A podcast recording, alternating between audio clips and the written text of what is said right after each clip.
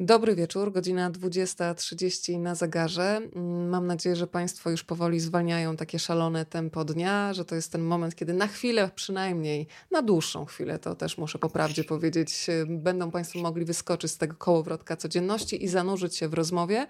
Porozmawiamy o książce, ale tak naprawdę, jak to zawsze bywa w Rozmawiam, bo lubię, książka będzie punktem wyjścia do rozmowy o życiu. Co do tego nie mam najmniejszych wątpliwości. Jakub Zając dzisiaj razem z nami, razem ze swoją powieścią Anna i pan B.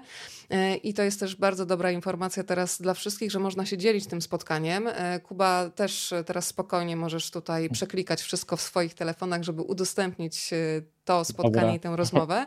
Jeżeli ktoś z Państwa nie wie jeszcze, jak to zrobić, to już mówię, pod tymi oknami, w których jesteśmy widoczni, jest taki guzik jak udostępnij. Wystarczy nacisnąć na Facebooku i to spotkanie automatycznie pojawi się na Waszej osi czasu, a jeżeli ktoś śledzi nasze spotkanie na YouTubie, to wystarczy skopiować link i przesłać do swoich przyjaciół, bliskich, znajomych, komentować, zadawać pytania. Proszę się czuć jak najbardziej pełnoprawnymi um, uczestnikami tego spotkania, to znaczy, że w każdym momencie mogą Państwo zabrać głos, podzielić swoimi refleksjami lub zadać pytanie.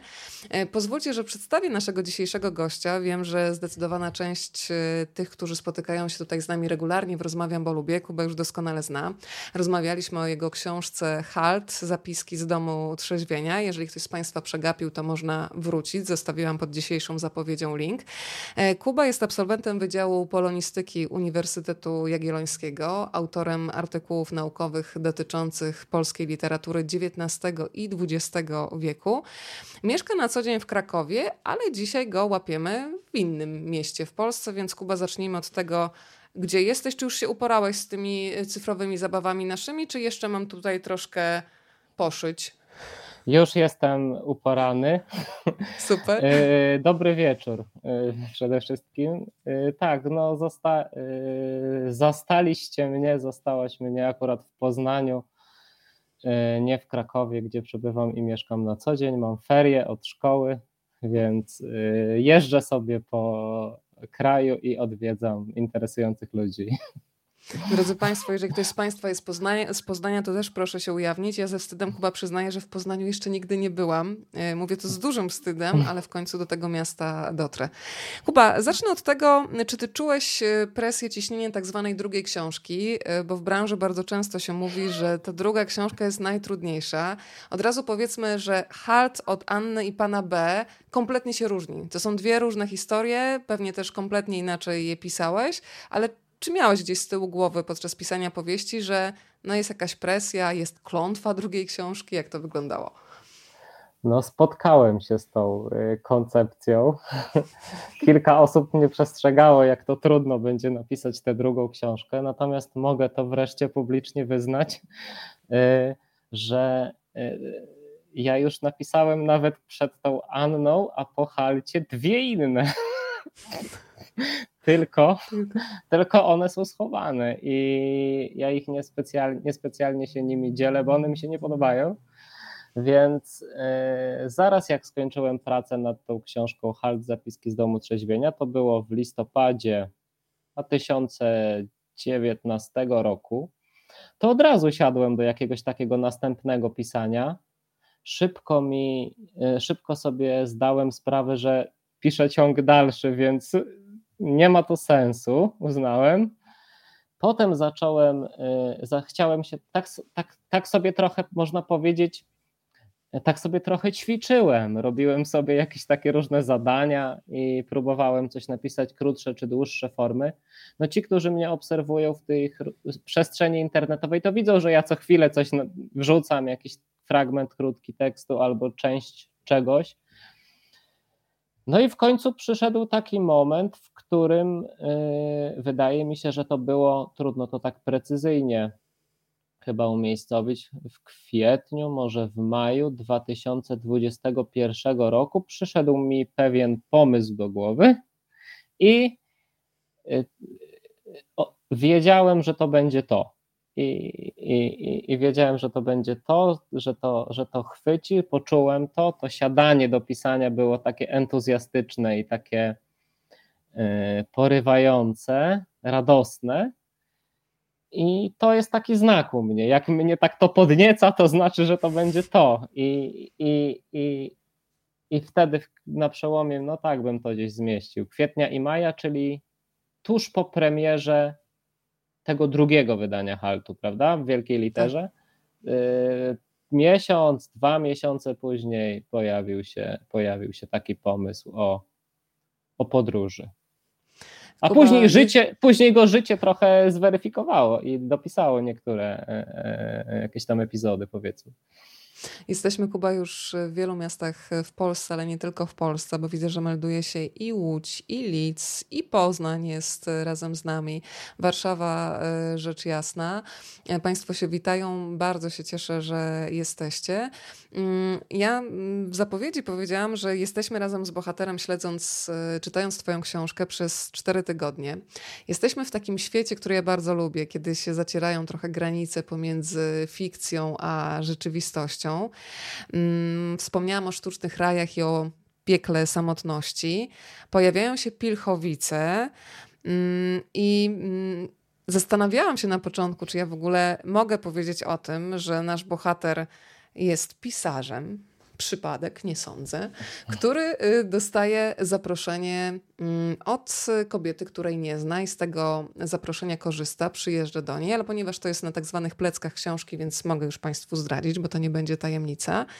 Mm, no ale gdybyś y, sam miał napisać blerb taką rekomendację dla własnej książki, które wątki dla ciebie byłyby najważniejsze? Bo że zawsze się zastanawiam, kiedy pisarz kończy pisać, wypuszcza książkę, ona idzie w świat i dostaje mnóstwo różnych interpretacji, czasami pewnie nawet zaskakujących dla samego autora.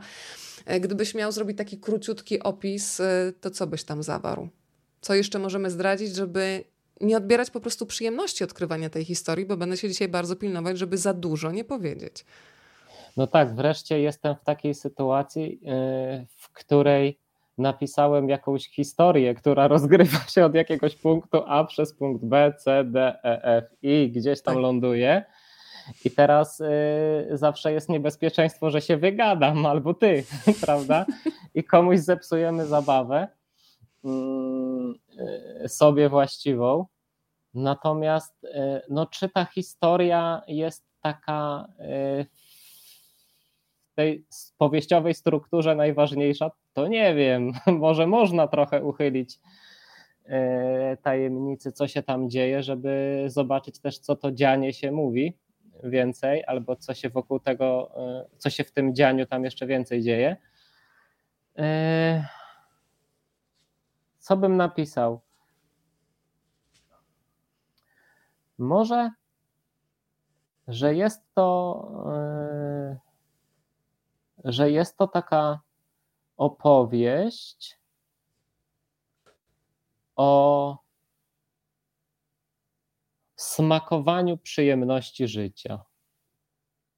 O, proszę.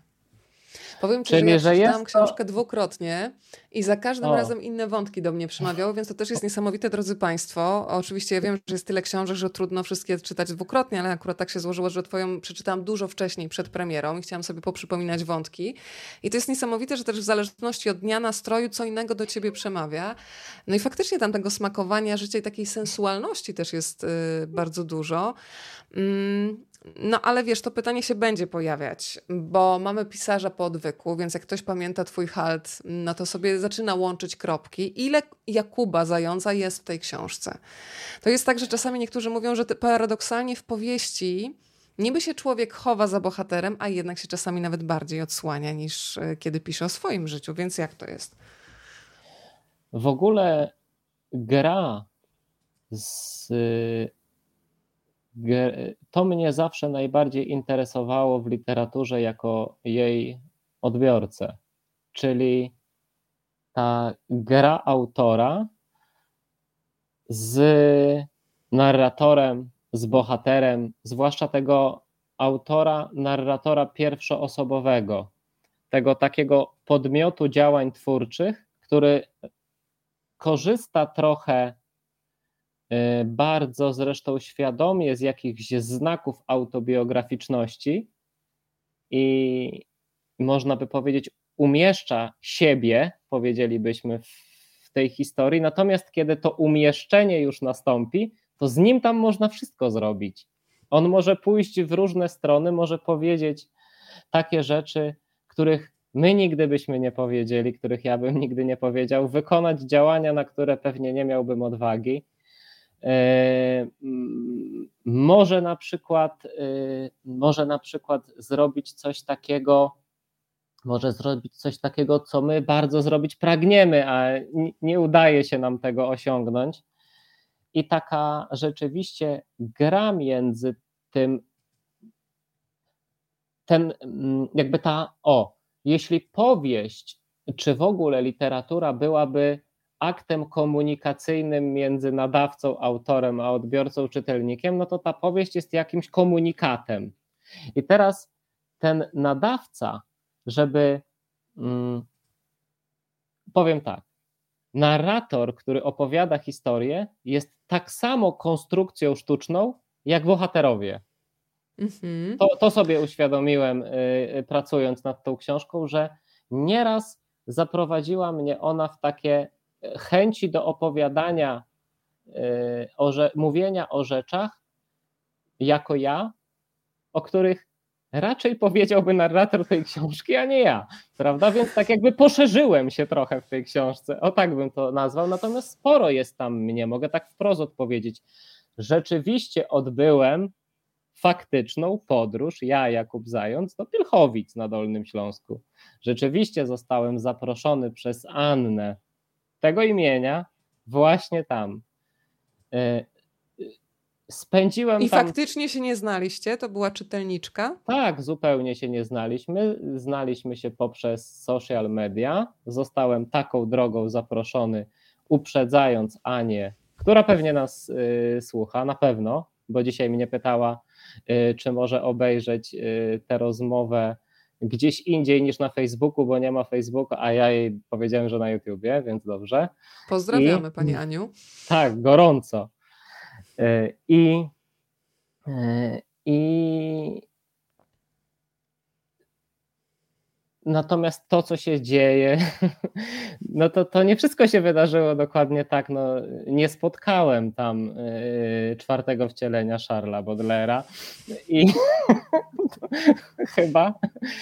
Y, I y, no, jakby to, jakby to tak uporządkować. No, rzeczywiście tym, to, tą inspiracją do, do napisania e, jakiegoś tam e, jakiejś części tej książki, rzeczywiście był ten faktyczny mój pobyt w Pilchowicach, które zresztą oczarowały mnie jako przestrzeń i cały Dolny Śląsk i, i, i w ogóle wcześniej też byłem takim fanem, powiedziałbym, tego rejonu i, i nie byłem tam po raz pierwszy a bohater jest po raz pierwszy, więc, więc są, pewne, są pewne e, podobieństwa, natomiast więcej jest jednak mimo wszystko e, fikcji literackiej i i, i, I, tylko kończąc, prawda, no to mnie zawsze fascynowało w literaturze. Ta gra i to napięcie między prawdą a fikcyjnością.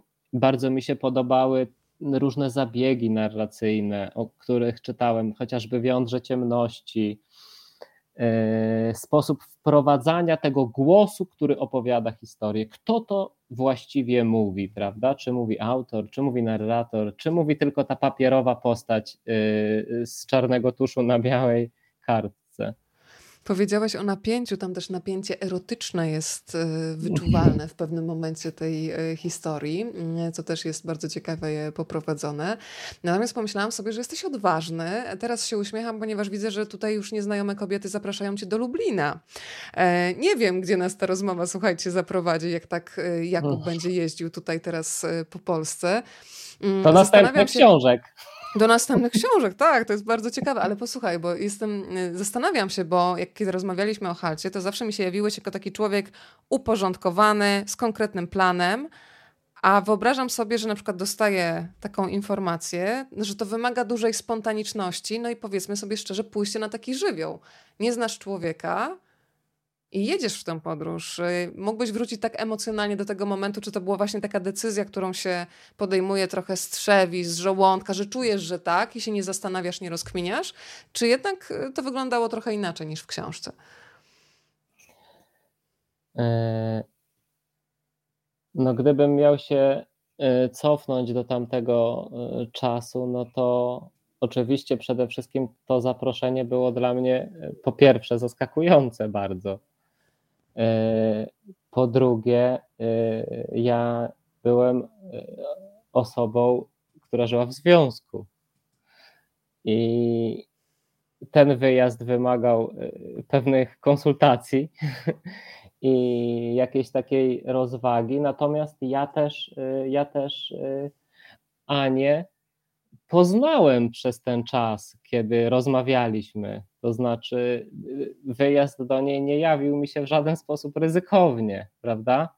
Poza tym, y, poza tym czego zupełnie nie ma w książce, no to jednak y, ten, ten w rzeczywistym świecie ten pobyt był tylko.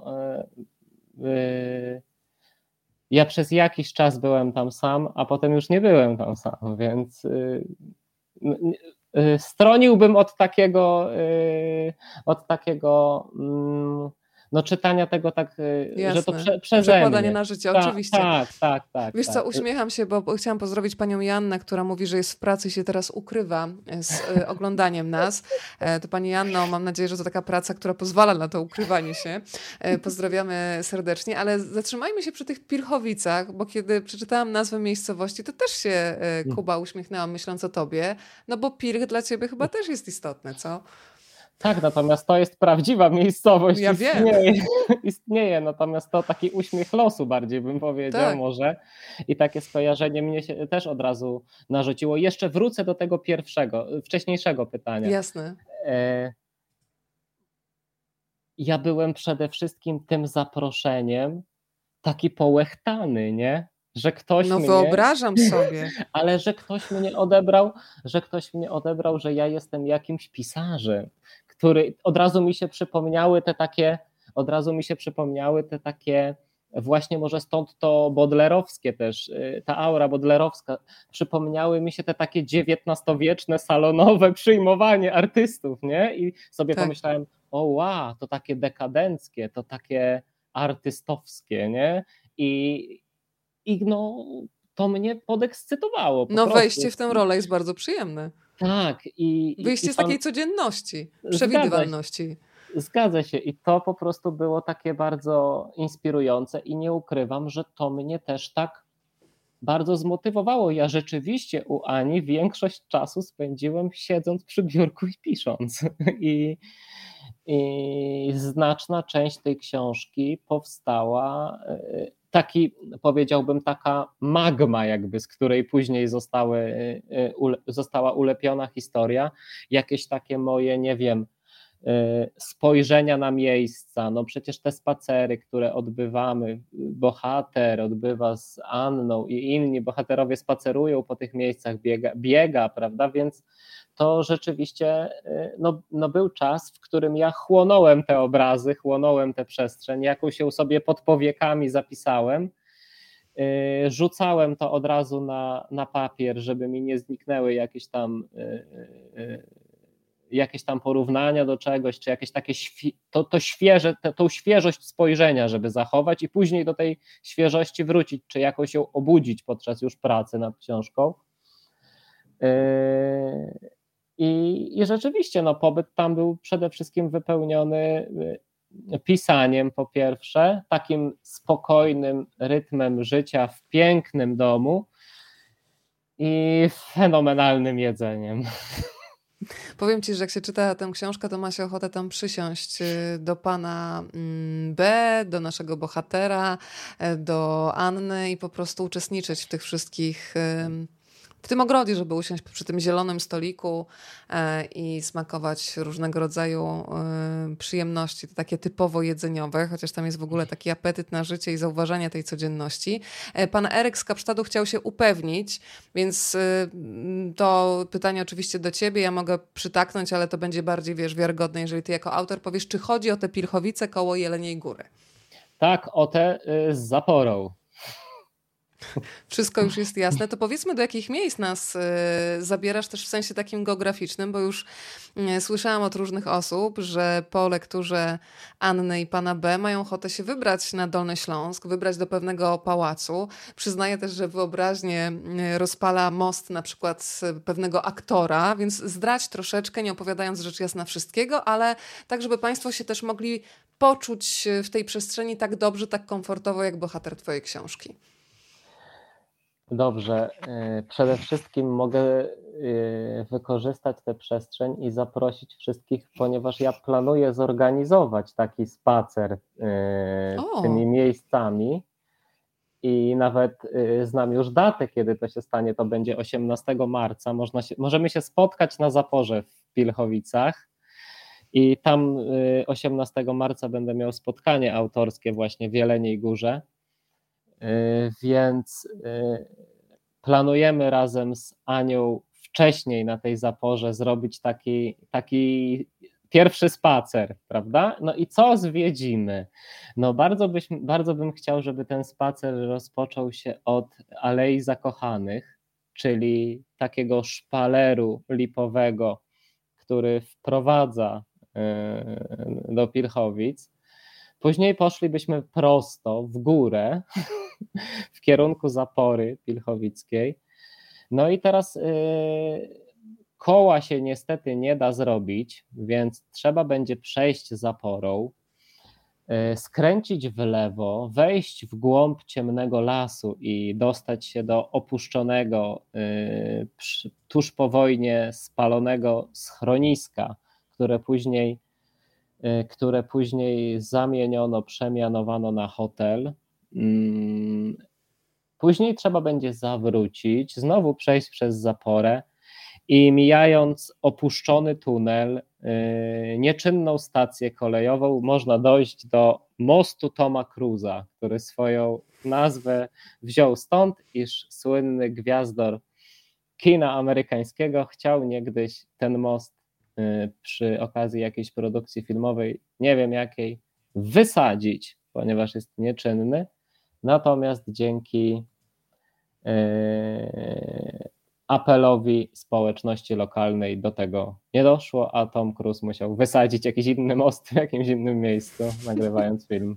Więc most istnieje i jest kapitalny, bo słuchajcie, on jest e, bardzo interesującą konstrukcją. Ja się na architekturze mostów znam tak samo jak na samochodach, czyli wcale.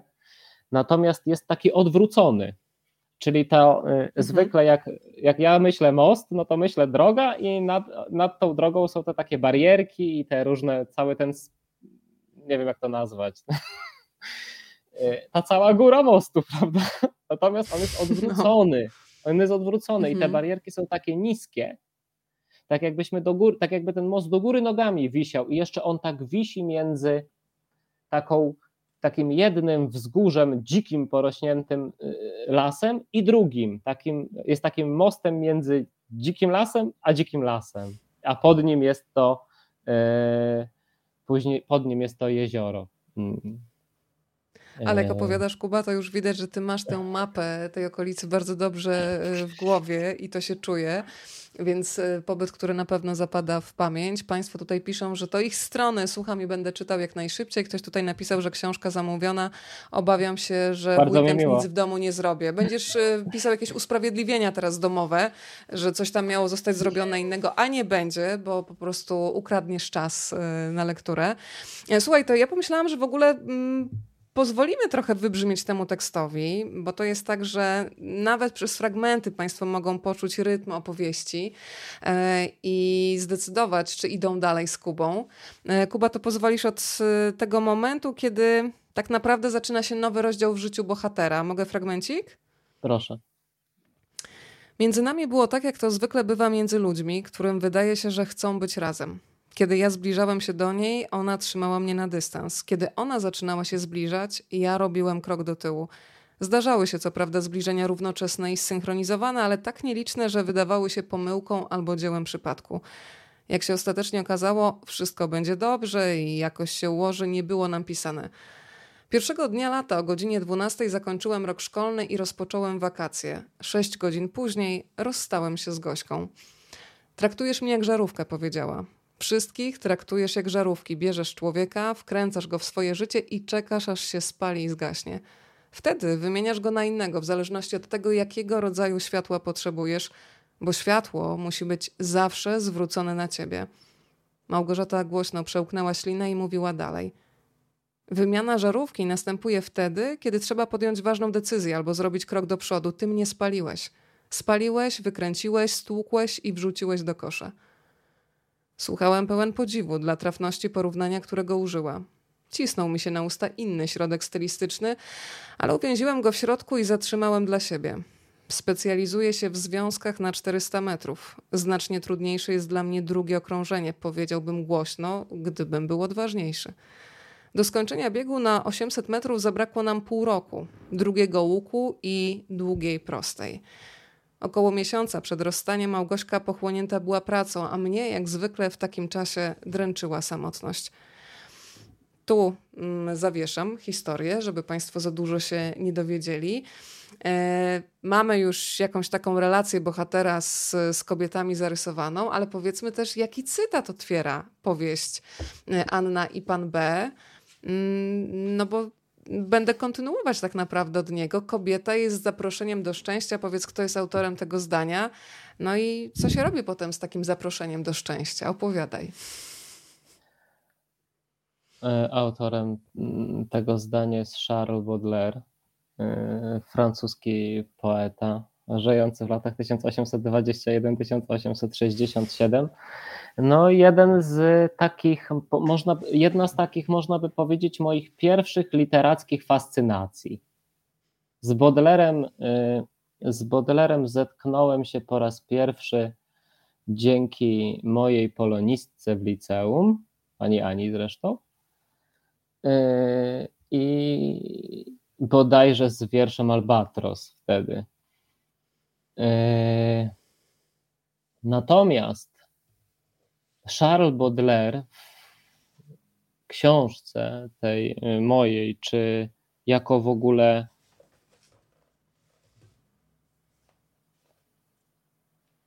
artysta, interesuje mnie nie tylko jako poeta, a może nawet w większym stopniu niż poeta, interesuje mnie jako, yy, jako ktoś, kto w moim mniemaniu jest jednym z tych twórców, którzy wprowadzili poezję i w ogóle literaturę na zupełnie inny, na zupeł, w zupełnie inny rejestr. To znaczy, wreszcie, wreszcie dzięki między innymi Baudelaire'owi poezja otworzyła się na przestrzenie, które wcześniej nie miały do niej zupełnie dostępu. Yy, poezja, poezja u Baudelaire otworzyła się na zwyczajność, na miasto, na targ, na spacer po chodniku, na brzydotę, na pospolitość. A z drugiej strony, dzięki temu, że była poezją, dzięki temu, że zrobił to Baudelaire, ta brzydota, ta pospolitość, ta y, y, okropność i jakaś też y, taka lepkość tego świata sprofanowanego była w tej jego, była w tej jego twórczości nadal piękna, nadal poetycka, nadal tak jakby wydawałoby się, jak można było przez cały czas wcześniej pomijać to w poezji, w literaturze tej powiedzielibyśmy wysokiej, cokolwiek to znaczy. I, yy, i jako taki, yy, po pierwsze, yy, fascynował mnie Baudelaire, po drugie, jako, po drugie, jako krytyk sztuki, który bardzo świadomie wypowiadał się na temat jej zadań, właśnie w tym kierunku, że aspirować, ona musi też do tego, żeby pokazywać to, co brzydkie i to, co y, czasami zepchnięte na margines, czy wówczas przede wszystkim zepchnięte na margines, no i jako autor sztucznych rajów, czyli jako ktoś, kto uczynił ze swojego życia, a przynajmniej z jakiejś znacznej jego części, pewien eksperyment. I z pełną świadomością, jak ja przynajmniej rozumiem tę książeczkę Sztuczny Raj, z pełną e, świadomością eksplorował granice swojej świadomości, korzystając e, z wszelkich dostępnych wówczas używek. I, i jest to jest to niewątpliwie jakiś taki, powiedziałbym, rys y, wspólny mi i Bodlerowi, jeśli mogę się na jakiejś płaszczyźnie z nim porównać, to rzeczywiście ta eksploracja przestrzeni, y, eksploracja świadomości też y, w tych kierunkach takich, powiedziałbym, ekstremalnych, swego czasu bardzo mnie interesowała i, i dlatego też było to dla mnie takie fascynujące i pobudzające. No i przede wszystkim tak najnormalniej w świecie mówiąc, jak zaczynałem się całą tą literaturą interesować i w ogóle sztuką jako taki chłopak kilkunastoletni licealista, czy później w trakcie studiów, no to po prostu kręciły mnie, mnie takie postacie, tacy wyklęci, tacy jacyś zapijaczeni, odrzuceni, szaleni. Yy, znajdowałem jakiś taki rys wspólny u takich postaci właśnie mm, kontestujących, u postaci, którzy byli yy, w opozycji do tradycji, w opozycji do jakichś norm społecznych, yy, zakazów i nakazów. Potrafiłem sobie wyobrażać takiego współczesnego Charlesa Baudelaire jako, nie wiem, Jima Morrisona w XX mhm. wieku. Bardzo takie po prostu figury takich, figury takich trochę poetów szamanów, prawda? Takich tak. charakterystycznych, dekadenckich, modernistycznych. Y, I, I to jest gdzieś głęboko we mnie, y, głęboko we mnie mm, siedzi cały czas. Bardzo mi się to podoba, jest to takie ekscytujące. Ten gest, ten gest negacji, gest odrzucenia, gest takiej rezygnacji, rezygnacji ze świata. Jak się tam układało Charlesowi y, Baudelaire'owi z kobietami? Średnio, żeby nie powiedzieć y, bardzo niedobrze. I, y, I doprowadziło go to do śmierci. Zresztą, nie wchodząc w szczegóły, y, mm, no, rozumiem, że mam teraz odpowiedzieć, jak to ze mną jest w tej. Nie, tej jakby dlaczego wybrałeś e, ten cytat, że kobieta jest zaproszeniem do szczęścia, bo aż wiesz, e, cisną się na usta tak pytania, co można zrobić z takim zaproszeniem, kiedy to zaproszenie faktycznie przynosi szczęście, kiedy w ogóle można złapać ten moment, kiedy to, co miało być szczęściem, e, zamienia się znowu w cierpienie i w samotność. No można by powiedzieć tak, nie chcę uprzedzać, ale w sumie tylko wtedy ta odpowiedź będzie sensowna.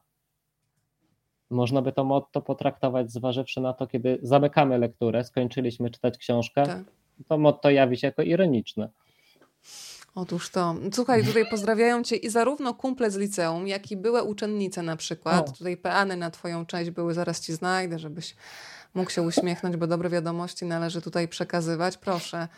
Y, pozdrawiam cieplutko, jako była uczennica pana Jakuba. Nie spotkałam dotąd lepszego nauczyciela. Bardzo proszę. Pojawiają się pytania, więc już ci je przekazuję. Dzięki. Pani Zofia, w opowieści natrafiamy na złote myśli. To efekt długotrwałego wysiłku, czy też samowolne wybryki pióra? No to jak to, panie Jakubie, jest? Myślę, że y, efekt długotrwałego, czy. Nie. Y, sama praca nad książką na pewno była długotrwałym wysiłkiem. Nie ukrywam tego, że mhm. pracowało mi się, y, pracowałem nad tym drugim tekstem y, po pierwsze dłużej niż nad pierwszą książką. Y, I była to praca zdecydowanie trudniejsza, poprzez to, że zdecydowałem się zamknąć tę historię w formie powieściowej, a tego wcześniej nie robiłem. Halt jest takim, powiedziałbym, Halt to był trochę tak, jakbym siadł przy biurku i pękła nade mną taka, e, urwanie chmury było i spadło to wszystko i ja to tylko musiałem połapać i poukładać. Natomiast, mhm. natomiast praca nad, y, praca nad, y, nad Anną i panem B y, była zupełnie inaczej przeze mnie zorganizowane. Napisałeś to znaczy... mi, że to było jak szydełkowanie. To rozwijmy. O co chodzi z tym szydełkiem? E, tak, e, to znaczy nie wiem, czy to jest zgrabne porównanie na to, bo ja nie szydełkuję, więc chodziło mi ale o to, wiesz, żeby... nie musimy była... się upierać, żeby było zgrabne, ono ma być prawdziwe, no, ale tak. szydełkowanie tak. mi się kojarzy, wiesz co, z precyzją i jak jest jakiś wzór, to trzeba się naprawdę skoncentrować, żeby te wszystkie e, włóczki, muliny, czy no. czymkolwiek, ja nawet nie wiem, czym się szydełkuje, więc właśnie się tutaj ignorancją wykazałam, trudno, zaraz mnie Państwo Zaraz naprawią. ktoś napisze. Tak. Na pewno ktoś nas e, zaraz tutaj nam pomoże. E, no ale to wymaga precyzji i takiego myślenia kilka kroków do przodu, żeby to wszystko się zgadzało, że musi być jakaś konstrukcja e, i tam mm, tym bardziej, że to przenikanie się światów no, musi się w końcu zgodzić, spotkać w jakimś punkcie. Tak. Najpierw, e, to znaczy u, u mnie tak jest. Pojawia się ten pierwszy, pojawia się ten pierwszy pomysł na całość u mnie od razu, ale on jest tak jak szkic na mhm. kartce mhm. z bloku ołówkiem zrobiony. Y, I z tego szkicu y, wyciągam sobie jakiś element tego obrazu, na przykład, no powiedzmy, czyjąś tam twarz. I zaczynam sobie y, pisać. Później to może się okazać, że to jest fragment, nie wiem, 19 rozdziału. Mhm. Natomiast, natomiast kiedy jest już ten szkic, impuls powoduje namalowanie tego szkicu, takie szybkie zapisanie sobie schematu. O, mogę powiedzieć nawet o, bo przedwczoraj wydaje mi się, że wymyśliłem następną historię, prawda? No. I, i na szki, napisałem ją sobie bardzo szybko. Przychodzi tutaj, dzieje się to, ten zrobi to, ten zrobi to i tak fajnie, zgrabnie się skończy. I to już mam. Mhm. Okay. I to się nie, zmie to się nie zmieni. Mhm. Y, bo na tyle to mnie już cieszy, że chcę tak, żeby tak było. Natomiast i tak samo było z Anną i panem B. Przyszedł ten szkic, przyszedł ten pomysł na całość. Natomiast potem zaczyna się, trzeba tę historię zacząć, trzeba się zastanowić, czy warto coś powiedzieć najpierw, a, nie, a może później, może nie za szybko. I i później ta praca przypomina, tak jak są y, czasami takie dla dzieci y, różne y, kolorowanki i te takie książeczki dla dzieci, to jest coś takiego, że są takie numerki, nie? Jeden i kropeczki. I jak tak. prowadzisz od jednego do drugiego, to, to obrazek. wychodzi ci obrazek. Tak. I potem następnym zadaniem jest tak, że na przykład między tymi numerkami a tymi na zielono, między tymi a tymi na czerwono. No to tak było, mniej więcej tak to wyglądało.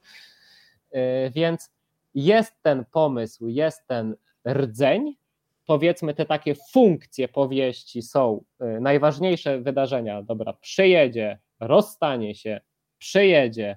W pierwszym tygodniu niezręcznie, w drugim fantastycznie, w trzecim kryzys, w czwartym dziękuję, wyjeżdżam, nie chcę więcej, nie?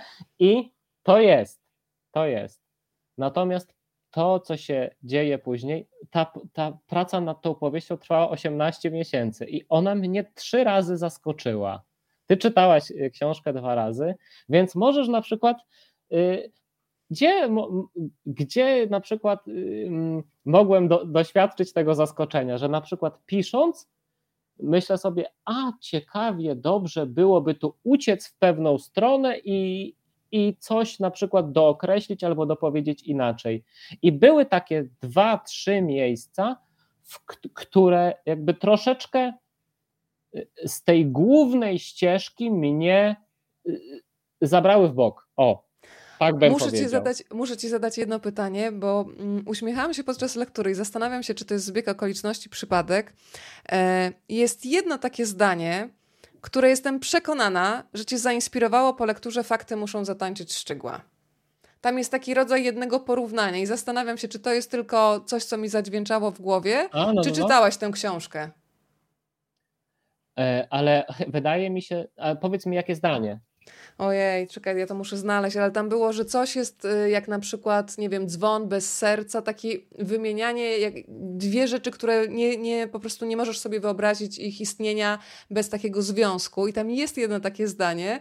I tak sobie pomyślałam, czy czytałeś e, Mariusza, bo czasami w ogóle książki mi w głowie zaczynają już ze sobą rozmawiać no, i się zastanawiam, czy, czy ty śledzisz na przykład Mariusza, bo to jest tak, że my mhm. wchłaniamy pewne historie e, i myślę, chyba też lubi Szczygła, więc sprawdzam, Lubię. czy lubi, czy nie lubi. Lubię i czytać i prywatnie. I, no, no to jesteśmy w tym e, samym gronie. No tak, na pewno. Natomiast y, wydaje mi się, wydaje mi się, że ja czytałem Fakty muszą zatańczyć, bo o tym mówisz? Tak, tak, tak. O tej, o tej. Wydaje mi się, że chyba już skończyłem pisać, jak czytałem. Ale to jest super, wiesz, bo ja sobie też pomyślałam, że mm, no nie mogę znowu zdradzić, bo tam jest taki motyw, kiedy on coś robi dla Anny z rozsypanych rzeczy. I ostatnio też była taka zabawa z rozsypanych zdań. Y, na stronie się tworzyło właśnie opowieści y, poezji. To była taka zabawa w, w dowodach na istnienie. Wiem, że ich czytelnicy też coś takiego robili, więc to nie, niesamowite nie, nie. jest to jak, jak, jak to fajnie krąży, nie? Że, że można y, wpadać na, na takie tropy. To Ale jest, powiedz... przepraszam, to tak. jest, bo to ci mogę powiedzieć. No. Akurat ta historia, akurat, znaczy się tobie, no wszystkim, akurat ta historia z rozsypanym wierszem, no. to naprawdę się stało. Okej. Okay. Natomiast, natomiast, y, natomiast y, y, ja kojarzę bo tam chyba pisze w książce, y, przywołuje tego Tsarę, tego tak, rumuńskiego, tak, Dadaj, Dadaj, tak, Dadaj, tak. On, on, to zaczął, więc we, we mnie okay. ta świado, świadomość tej zabawy to już 20 lat żyje, więc to nie, nie jest mhm. inspiracja z dowodów na istnienie. Jasne, nie, bo to nawet było później, tylko właśnie mówię, jak to tak. fajnie krąży, że, tak, że bawimy tak. się tymi słowami i że zresztą Twoja opowieść jest też takim właśnie tym, co się dzieje, kiedy człowiek się bawi słowami. Ja zacytuję może taki fragment, który dzisiaj zresztą e, wrzuciłam Państwu na stronę przy okazji zapowiedzi dzisiejszego e, spotkania z Kubą, bo myślę, Weronika. że to będzie. Tak? No, wiesz co, a przepraszam, a nie przypomnisz sobie tego zdania? Nie, nie, nie odszukamy go? Ciekaw, strasznie mnie to teraz tak, wiesz, nie, będę szukać, dobra, to zadam Ci no. pytanie i będę szukać, bo, yy, bo mm, wyjątkowo zaznaczałam w komputerze, a nie kreśliłam markerem w Aha. książce, ale myślę, że jako wzrokowiec damy radę, więc to za momencik, ale ja teraz zacytuję ten fragment dla wszystkich yy, czytelników, bo może być bliski. Idę przez życie pieszo, ale kiedy czytam, to jakbym wsiadał do tramwaju. Wychodzę z niego w zupełnie innym miejscu, otrzepuję się z liter i idę dalej. Taki nowszy. Czytanie to medytacja, a narrator dron, z którego patrzę na świat. To powiedz trochę o swoim czytaniu, a ja tutaj się zabieram za szukanie. Tam się pojawia też wątek u naszego bohatera, że on kreśli ołówkiem, zakreśla, że to jest taki mm, moment też y, oddania y, czasowi tego, że się czymś zajmujesz, więc musi być jakiś efekt tej twojej pracy, że to nie może czyta i znika za chwilę, że musi być zaznaczone, żeby było do czego wrócić. Więc powiedz trochę o swoim czytaniu, a ja szukam tego zdania, które mnie zatrzymało, dobra? Dobrze, dziękuję. E, no moje, czyta, moje czytanie e, jest zupełnie inne dzisiaj i zupełnie inne od jakichś 3-4 lat niż było wcześniej. E, najpierw rzuciłem się na czytanie, oczywiście jako student polonistyki. Tam wymagano ode mnie czytania taśmowego jednej książki za drugą, i ja chciałem temu sprostać. To było niewykonalne, mhm. żeby to wszystko przeczytać. E, mogę taką anegdotę przy, przytoczyć, żeby po, pokazać, e, jak dużo było tego czytania na studiach polonistycznych a tobie wtedy dam dużo czasu, żebyś szukała tego zdania, nie? Jak będę to opowiadał. Tak, tak, tak. Trzeci raz czytam teraz twoją książkę. Niezłe mi zadanie zadałeś. Okej. Okay. Mów, mów. To, to przyszedł do mnie kolega, z którym mieszkałem w pokoju i dał mi kilkanaście stron i mówi, kurde Kuba, patrz jak mam tutaj dużo, muszę się nauczyć tego na egzamin z czegoś tam. On mm -hmm. co innego studiował. I ja wyciągnąłem mu mój spis lektur do, na trzeci rok studiów, chyba wtedy czy na drugi. On był grubszy niż ten materiał jego do nauczenia się. I no, to był punkt po punkcie, co trzeba tak. przeczytać, książki. E, więc tego czytania było bardzo dużo i rzeczywiście e, czytałem wtedy tak łapczywie, z większą albo mniejszą przyjemnością, ale w poczuciu raczej takiego obowiązku. Też i zapamiętując najważniejsze rzeczy, nie ukrywam, że wszystkiego mi się przeczytać oczywiście nie udało. Jakoś tam później przez następne pięć lat czy nawet i więcej po studiach, to miałem taką listę, czego mi się nie udało przeczytać, a powinienem przecież jako ten wykształcony polonista, No bo bardzo nie duże poczucie winy. Tak, i czytałem, i czytałem, i wtedy się spotkałem już z, nie z jedną, a z kilkoma książkami Dickensa, nie z jedną, a z kilkoma książkami Igo, nie z jedną, a z wszystkimi książkami, nie wiem, Dostojewskiego, prawda? I w ten sposób sobie, i w ten sposób wyglądało to moje czytanie, ono było już spokojniejsze. Natomiast odkąd zacząłem sam pisać, co stało się no już 4 lata temu, to czytam zdecydowanie mniej, yy, bardzo uważnie i bardzo długo, a nigdy tak nie było. I, Mhm. i czytam z taką pierwszy raz świadomość, z taką świadomością i z taką myślą i z taką może trochę już też wiedzą, jak to, jak to z drugiej strony, nie? Mhm, tak. Jak on to wymyślił, albo ona. Tak, jak... że najpierw się poddajesz też emocjom, a potem jakby rozkładasz na czynniki pierwsze, jak, w jaki sposób taki czysto rzemieślniczy ktoś osiągnął taki efekt.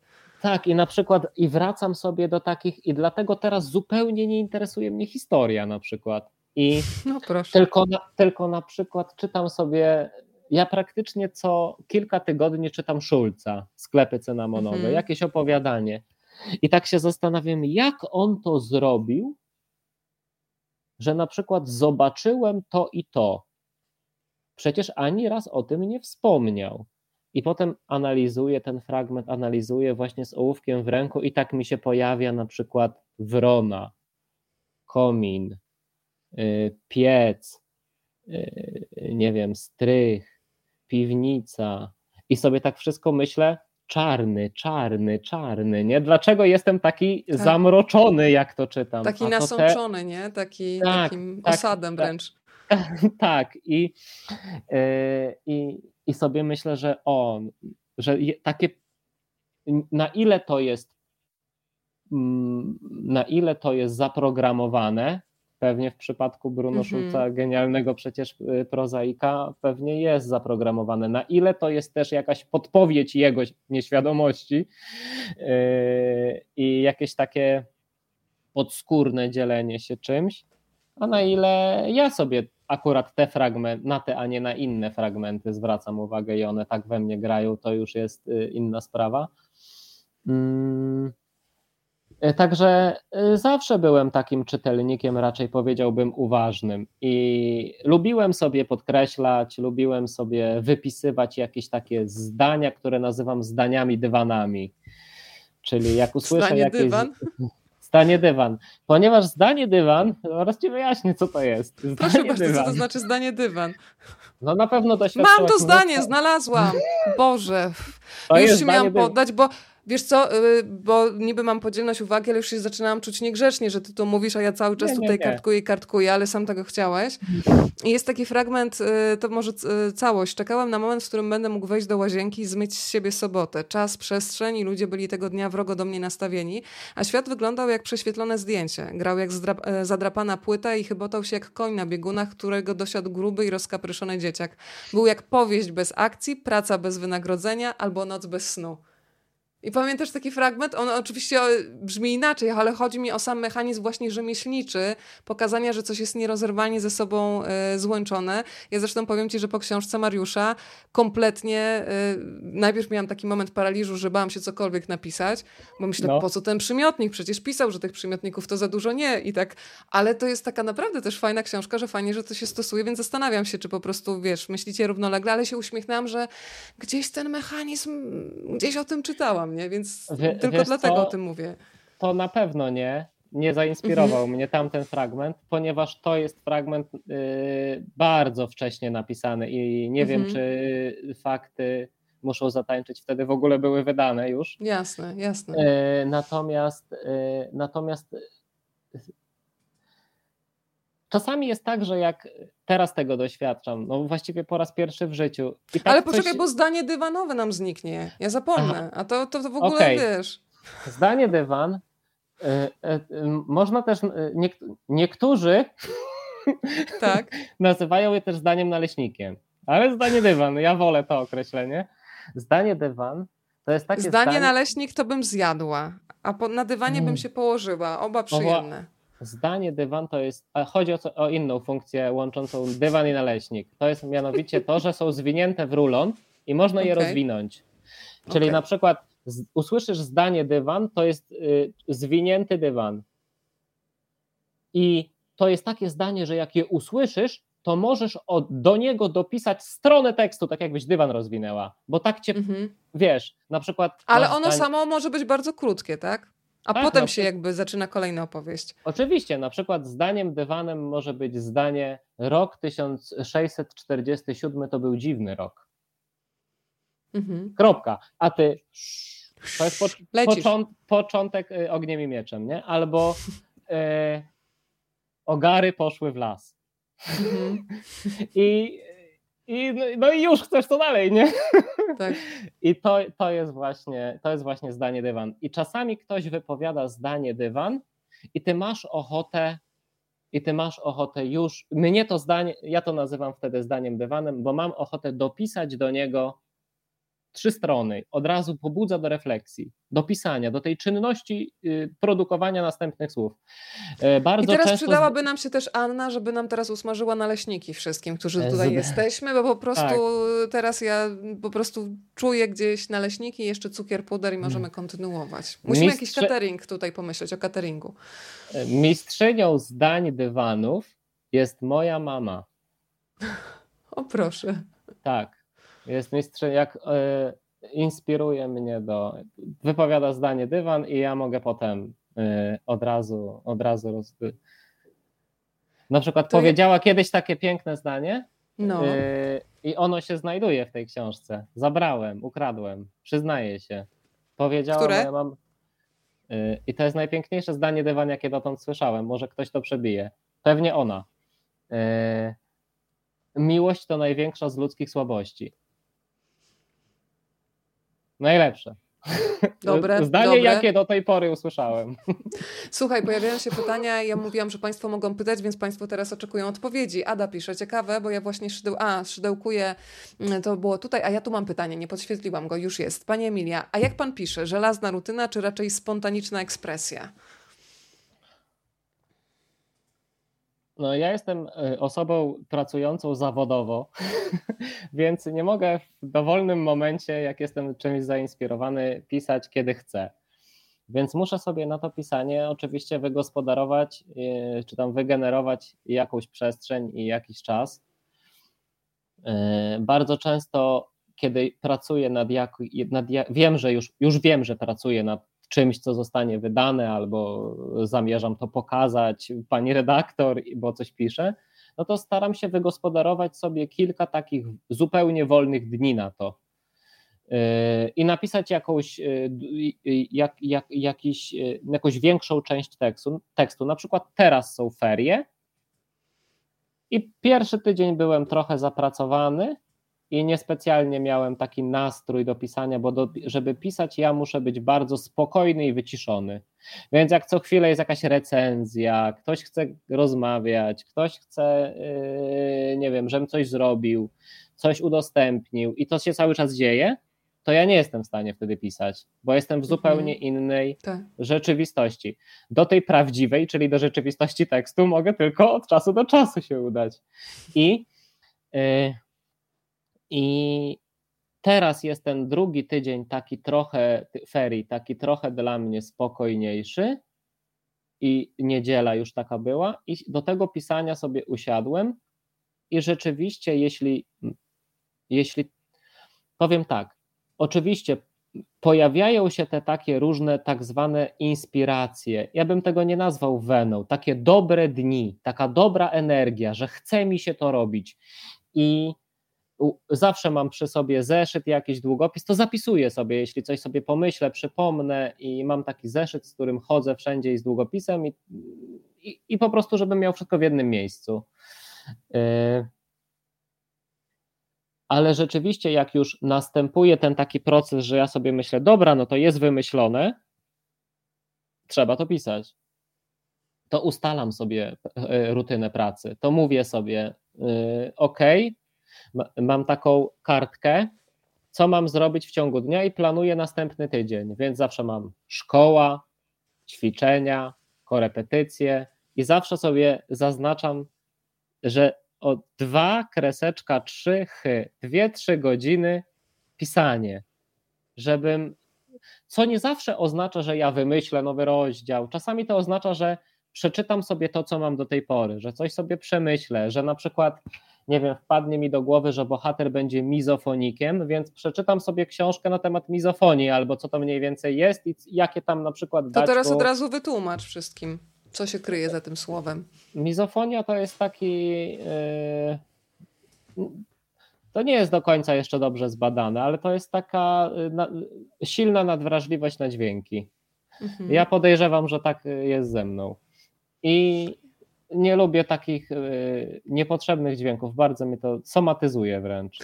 To tam jest taki fragment przecież w Wannie i Panu B, tak. Kiedy pojawia się małe dziecko, które uderza wszystkim o dywany, mlaszcze i, i to wywołuje w nim taką irytację.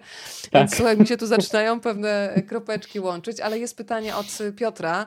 E, pytanie, kto jest bardziej prawdziwy, autor czy narrator? Piękna okładka, czy pan również do przyjemności podchodzi jak do stałego punktu programu dnia? Bardzo lubię to pytanie, co nie ma żadnego związku z hedoizmem. Wczoraj nawet rozmawialiśmy przy okazji rozmowy na temat depresji o tym, że szalenie istotne jest też, żeby świętować wszystkie momenty, kiedy odpuszczamy, czyli nie, że kolejny projekt, kolejna rzecz do zrobienia, tylko kiedy postawimy granicę i na przykład nie wezmę kolejnego zlecenia. Więc zastanawiam się, jak jest u ciebie, bo Piotr faktycznie świetne pytanie tutaj mm, zadał. Czy do przyjemności podchodzisz, Kuba, jak do stałego punktu programu dnia? A jeszcze jest tutaj pytanie, kto jest bardziej prawdziwy, autor czy narrator? Czy narrator? To ja się może ustosunkuję do tego pierwszego najpierw, a potem do drugiego, jak nie zapomnę. E, wydaje mi się, e, to może być takie nieuchwytne trochę, ale spróbuję to powiedzieć. E, mój najlepszy przyjaciel Marcin powiedział mi kiedyś, że w tej w tym, co piszę, mówię publicznie, jestem szczerszy, prawdziwszy i bardziej taki, daje się lepiej poznać niż w kontakcie rozum, niż w kontakcie tak? osobistym z najbliższymi. Tak, tak. tak. Mhm. Y, I dla mnie może to jest jeszcze ciągle związane z tym moim, że tak powiem, e, jakimś e, alkofelerem życiowym, nie? Mhm. Że ja rzeczywiście jestem w tym uciekaniu od świata bardzo chyba szczery. Tak sobie to uświadomiłem. E, może rzeczywiście jest tak, i świetne jest to pytanie, że prawdziwszy i bardziej sobą jestem właśnie tam w tych sztucznych rajach, bo jednym z nich jest przecież sztuka, nie? Mhm. I, e, I naprawdę może się, może się wszystko fantastycznie układać. Może się wszystko fantastycznie układać. Mógłbym, mógłbym, e, mógłbym dostać na przykład super pracę, taką, żebym mnóstwo pieniędzy zarabiał i nic nie robił, nie? Idealna mhm. praca. Nic nie musisz robić, dużo zarabiasz. I i mógłbym y, być nie, nie wiadomo jak szczęśliwy w życiu osobistym i rodzinnym i w ogóle, ale jakby nie było we mnie pomysłu na to, co pisać, i nie było we mnie jakby tej takiej podniety związanej z, z, z, przede wszystkim z pisaniem, z czytaniem, to nie, nie cieszyłoby mnie tamto. Nie? No to y, ciekawe. No. Jestem, to bardzo ciekawy wątek pan Piotrek otworzył. Jestem w tej przestrzeni uważanej ogólnie za. Drugorzędną. To jest moja przestrzeń. A to jest twoja na pierwszym planie. Da, tak? Tam to mnie mhm. mnie interesuje. I A... Y, tam je, jestem u siebie. Powiedziałem ci to, pamiętasz, jeszcze przed to w prywatnym y, napisałem ci, że jest to pisanie, czy ono jest moje lepsze, czy gorsze, czy może być dojrzalsze, czy poetyckie, czy jakiekolwiek, ale mhm. sam ten fakt konstruowania tego y, y, y, chyba powiedziałem coś takiego, że czuję się, jakbym sobie dom budował, jakbym się w domek bawił, nie? Mhm. Robię wreszcie wszystko po mojemu tam. No bo tak tutaj jak... masz kontrolę, nie? Bo to jest takie zaprzeczenie, że w życiu codziennym my możemy mieć iluzję, że mamy wpływ na wiele rzeczy, ale często nas życie przygważdża i się okazuje, że nasz wpływ jest niewielki, a w pisaniu faktycznie możesz się poczuć trochę jak stwórca, który no to ty decydujesz o tych elementach układanki, gdzie która cegła zostanie położona, więc rozumiem, że to daje też takie poczucie bezpieczeństwa. No i Monika jeszcze no i Monika jeszcze przed wydaniem, nie? Monika Mielkę. tak. Czyli y, szefowa wydawnictwa Wielka Litera dla niewtajemniczonych, y, no rzecz tak. jasna. Pozdrawiamy e, serdecznie. Pozdrawiamy Monika tym bardziej, że wczoraj fantastycznie tańczyła na gali bestsellery Empiku. Miałam okazję zresztą ją tam e, przechwycić na chwilę. E, Marta napisała, to odnośnie też... Aha do tego, co mówiłeś, to się bardzo fajnie łączy. Przeklinam świat, który mnie otacza, ale pokładam w nim nadzieję. Ta dwoistość, że z jednej strony uciekamy, ale z drugiej strony no coś nam każe na nowo zaczynać od nowa. Ty piszesz zresztą o takim lęku przed zaczynaniem od nowa, jednocześnie potrzebą e, zapędzania się właśnie w różne światy. I trochę tak popatrz, jak mówiłeś o Halcie, kompletnie inna książka, wejście w Annę i Pana B, no to był, to był inny rodzaj pisania, więc znowu ryzyko, ale też frajda sprawdzania się, czy podołam, czy nie podołam. Przede wszystkim mam, takie, mam, tak, mam taką refleksję, że gdybym, że gdybym nie, nie, nie napisał tych dwóch książek, to zdecydowanie mniej bym o sobie wiedział. I mhm. to, to raz. I, a jeszcze, a jeśli chodzi jeszcze o to, o, ten drugie, o to drugie pytanie pana Piotra, tak? Tak, już, już wracam do niego, już ci pokazuję, to, bardzo to było, proszę. Tak, to. Yy, Czy przyjemność nie. traktujesz jako stały punkt y, programu dnia? Nie, zupełnie nie. To znaczy, jest dla mnie ogr... jest dla mnie ogromną przyjemnością w takim dobowym rytmie funkcjonowania. No, przede wszystkim to, jeśli z, załatwię już te wszystkie obowiązki, już te wszystkie takie życiowe, codzienne sprawy są uporządkowane i usatysfakcjonowane jestem tym, że udało się spełnić jakieś te obowiązki no to wielką przyjemnością jest dla mnie ten czas, godzina, dwie czy trzy, kiedy mogę sobie popracować nad tym moim właśnie pisaniem y, i to mnie cieszy. Ogromną przyjemnością jest dla mnie kontakt z czytelnikami, rozmowy na temat książki, y, no i wyrazy sympatii, które odbieram i w ogóle takie, taki bezpośredni kontakt. Zawsze to jest dla mnie zaskakujące, bo ja bym się nigdy nie odważył napisać do jakiegoś autora jakiejś książki.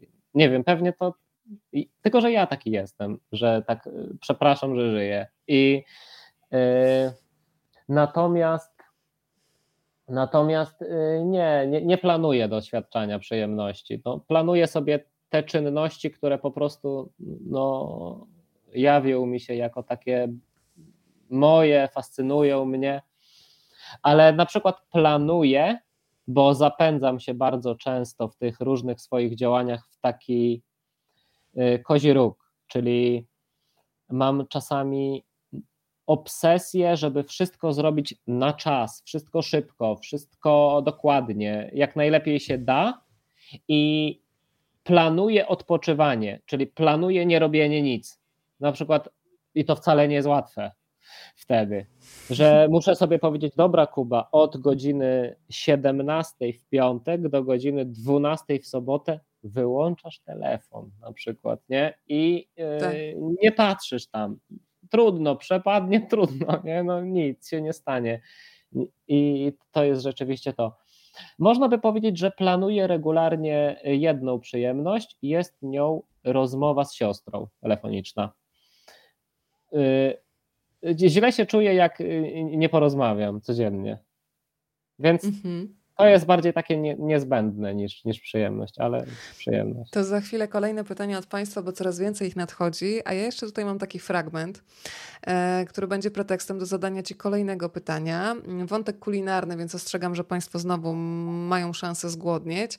Kiedy Anna mówi, lubię zagniatać kruche ciasto, bo jest zupełnym przeciwieństwem drożdżowego. Drożdżowe lubi być ugniatane w nieskończoność i ogromnie łaknie ludzkiego dotyku. Tylko wtedy rośnie. Sięgnęła po szeroki nóż i zatrzymała go nad tartą. Kruche ciasto jest niedotykarskie i trzyma mnie na dystans. Muszę je zagniatać bardzo szybko, byle tylko połączyć składniki w całość.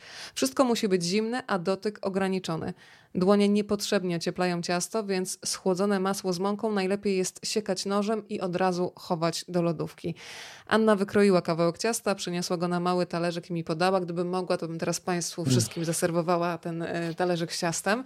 No jak jest z Tobą? Bardziej takie ciasto kruche, czy to drożdżowe? Bo ja tutaj taka bułka drożdżowa w zasadzie zadaję no, to pytanie. Jak jest z Tobą? No Ania jest, Ania jest e, drożdżóweczką, a ja jestem kruchym ciastem. Tak. No i to też sporo tutaj y, mówi Państwo relacja, jednocześnie nie zdradza wszystkiego. Y, pojawia się kolejne pytanie. Y, ja tutaj przepraszam, że nie będę się silić na czytanie nazwiskiego, nazw francuskiego nazwiska. Antoine czy jest to rodzaj lustra? O, dziękuję Ci bardzo, przed którym uciekasz. Teatr jego sobowtór. To jak to jest? Pan mm, nasz widz słucha, pan Gregory. Ale czy co jest tym rodzajem lustra pisanie? Chyba tak, chyba odnośnie przy tym wątku się to pytanie pojawiło. Tak jak mówiłeś o tym, y, odpowiadając na pytanie Piotra o narratorze i autorze. To znaczy, wydaje mi się, że to chyba nie jest żaden oryginalny y, rozwój wypadków, na ile ja się w tej kwestii orientuję. No, że jeśli znika y, z naszego życia coś tak mm, zawłaszczającego to życie wcześniej, jak w moim przypadku, moim przypadku było to y, picie, prawda? Tak. I ta, i ta powiedzmy sobie czynność i związane z nią y, ekscesy znikają, a wcześniej zajmowały dwie trzecie doby, no to trzeba w tę przestrzeń wpuścić coś innego. Nie, nie jestem, y, nie doświadczyłem jeszcze i nie spotkałem ludzi, którzy pomimo że uważają niektórzy siebie za takich, y, którzy by zostali z tą pustką po tamtym doświadczeniu i niczego w, niej, w nią innego nie, nie wstawili, nie wpuścili. Mhm. nie wpuścili, nie wypełnili tego braku y, czymś innym, bo, bo powiedzmy sobie y, tak, no, jest pewien brak, jest pewien y, problem, jest y, y, jakiś dół, Pewnie wczoraj też o tym rozmawiałaś i on, on, domaga, on domaga się, on domaga się y, jakiegoś dopełnienia. No tak mogę się domyślać. Zagospodarowania tej wolnej przestrzeni, prawda? No, tak. no tak, no to mogę się domyślać też, no bo wiem jak y, Marek do tego podchodzi. Tak, bo rozmawialiśmy Wie... dla niewtajemniczonych wczoraj o książce tak. Jest ok, to dlaczego nie chcę żyć? Rozmowa o depresji Marka Sakielskiego i Gosi Serafin. Tak i, y, i po prostu no nie sposób, nie, nie sposób nagle teraz chodzić na sobie z tym cięż z ciężarem tej pustki, z ciężarem tego braku, z tym jakimś cieniem, nie? ziejącą jamą za głową. Paradoksalnie I... pustka, która cię wypełnia, nie? Taki... Ten rozpycha, nie? Tak. I, i, I trzeba coś do niej wrzucać. No i rzeczywiście ja sobie chyba wrzuciłem o właśnie to, nie? Ale tak. nie, ale nie wype... to nie o to chodzi, że to nie o to chodzi, że tak jak tak jak wcześniej, nie wiem, piłem i wlewałem w siebie ten cały, yy, tę całą toksynę, to, że teraz, nie wiem, piszę, to wypełniam, to, to, to jakby nie o to chodzi. Mm, chodzi o. Chodzi o. Bo tego się nie da wypełnić, ja to już wiem. Niemożliwe to jest. Mhm. Trzeba, e, e, trzeba odwrócić uwagę od tego. O. Mhm. Trzeba od tego Zająć odwrócić. się czymś. Tak, jest, ona jest niewypełnialna. To trochę, to może pustka w środku jest złą metaforą. To jest trochę tak, jakby się szło drogą i z jednej strony masz przepaść, a z drugiej strony masz e, twardą skałę, o którą się możesz oprzeć. To teraz, jak się pije, to jest takie dreptanie na granicy tej y, przepaści, z taką pokusą, żeby się tam rzucić. A jak odwrócisz oczy od tego, to można by powiedzieć, że w tym rysunku to ja odwróciłem się do tej przepaści plecami i smaruję po tej skale. Mhm. Słuchaj, to kolejny fragment niech się pojawi, bo też go bardzo lubię. Tutaj będą nam się mieszać te dwie rzeczywistości.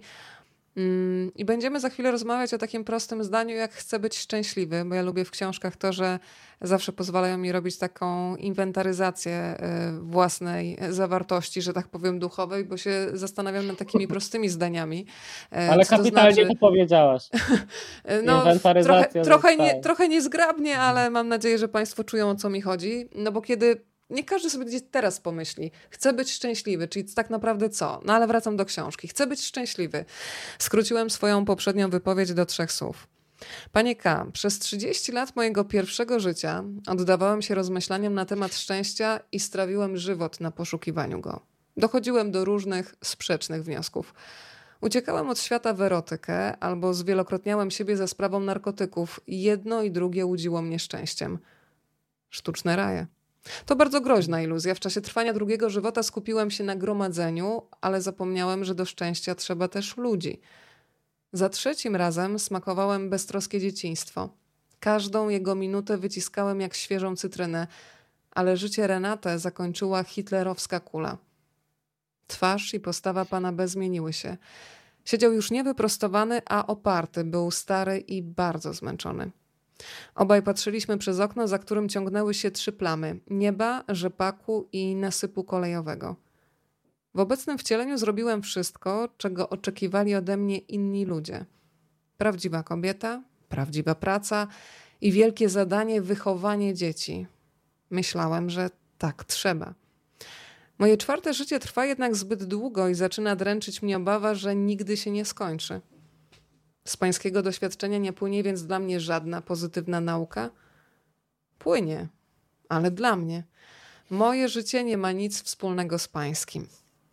E, uwielbiam ten fragment, bo z jednej strony się oglądamy właśnie w cudzych e, historiach, ale z drugiej moje doświadczenie pewnie nie ma nic wspólnego z twoim i, i też taka otwartość na to, e, też taka ogranicza, na przykład na mnie to działa tak, że ja się ograniczam w swoim życiu do znaczy, gryzę się w język przed dawaniem rad. Tylko wolę wysłuchać kogoś i przyjąć jego historię, ale już mam taki stoper na zasadzie stop, stop, stop, nikt cię nie prosi o radę, to co ty masz w głowie niekoniecznie może zadziałać o kogoś. Jak jest u ciebie z tym uczeniem się na cudzych doświadczeniach? Yy, mogę jeszcze do tego fragmentu? No pewnie. Dziękuję, dziękuję że mi go yy, przypomniałaś. Yy, właśnie ja go bardzo lubię. No, bardzo go lubię. E, I w ogóle bardzo lubię pana B, w którym tyle samo co e, Charlesa Baudelaire'a jest właśnie e, tego mojego najlepszego przyjaciela Marcina który potrafi czasami jakąś moją poetycką tyradę dramatyczną uciąć takim komentarzem. Yy, na przykład, no ja tam powiedzmy, że rozwijam jakąś, yy, jakąś taką smutną, smutną, czarną narrację, a on a poszedłbyś pobiegać. I, albo obejrzyj sobie to i to i pogadamy za dwóch później. I i to rzeczywiście... Ale to jest fajnie takie uziemiające czasami. W no sensie, tak. e, oczywiście też nie, nie radzimy nikomu iść pobiegać, jak na przykład ktoś jest w depresji, to jest najgorsza rzecz, jaką można zrobić, ale myślę o takich zwykłych sytuacjach. E, ja to znam też z własnego domu. Czasami się, wiesz, tutaj mówię dziesiąte zdanie, piąte i nagle jednozdaniowe podsumowanie mojego męża, gdzie po prostu jest pozamiatane. No więc... No tak. Ja no, mam nadprodukcję e... słów, no. E... Jestem, jestem coraz uważniejszym słuchaczem, mam wrażenie, chociaż zawsze mi to wychodziło trudno i pewnie dalej nie jestem wystarczająco uważny. Mm, najlepsze wydaje mi się, czy albo inaczej powiem, wszystkie te rady, które ja sam daję innym, to bardzo chciałbym stosować. Y, mam, pełne mam pełne przekonanie co do tego, że gdybym robił wszystko to, co polecam robić innym, to byłoby wspaniale. E, mm, I słucham, słucham e, rzeczywiście e, kilku osób bardzo uważnie i tego, co do mnie mówią. Wydaje mi się, że nauczyłem się rozpoznawać, y, rozpoznawać ludzi, którzy rzeczywiście dobrze mi życzą a to nie było wcale takie łatwe mhm. i słuchać tego, co mają do powiedzenia. Też trochę chyba jakoś tak, nie wiem czy dojrzałem, bo to jest zawsze ryzykowne powiedzenie czegoś takiego, ale na przykład nie miałem, nie miałem Y, chyba to jest, chyba to nie jest nic oryginalnego, ale nie muszę być we wszystkim oryginalny, że y, y, żałuję, że uważniej nie słuchałem 10-15 lat temu na przykład mojego taty, tego co mówił, albo mamy. Mhm. Bo dopiero teraz, jak mam już 39 lat, to to, yy, to, to widzę. Powiedz, dlaczego się śmiejesz. Powiem Państwu, bo to nie będzie tu żadnych sekretów. Yy, podczas próby technicznej Kuba powiedział, że jest tuż pod, przed czterdziestką i w ogóle jakiś taki kryzys. Ja mu mówię, wiesz, no już przekroczyłam tę linię i potem mi powiedział, że mm, Monika mu powiedziała, że tak 42 to jest taki najtrudniejszy moment, więc ja już wkrótce będę w tym najtrudniejszym momencie, także śmiej się, śmiej dalej, proszę bardzo. Kontynuuj. E, no, mam, e, mam większą uważność zdecydowanie na to, e, na to, co mówią do mnie inni. Kiedyś mi się wydawało, że jestem najmądrzejszy na świecie, a wtedy robiłem najgłupsze rzeczy, jakie, na jakie można by wpaść.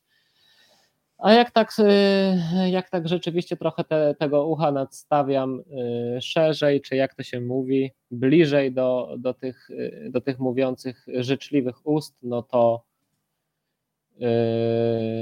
no to jest to, jest to z korzyścią dla mnie. Chciałbym się nauczyć z takich rad.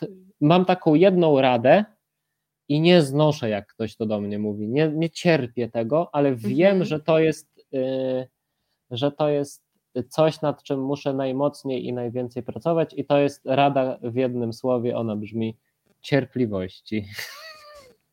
Słuchaj, to ja mam jeszcze taki fragment, który też nam wprowadzi e, za moment e, kolejny wątek. Jest jeszcze pytanie od Karoliny, które trochę wraca e, do tego wątku, o którym już rozmawialiśmy na początku, ale wiem, że Państwo dołączają w różnych momentach tego spotkania.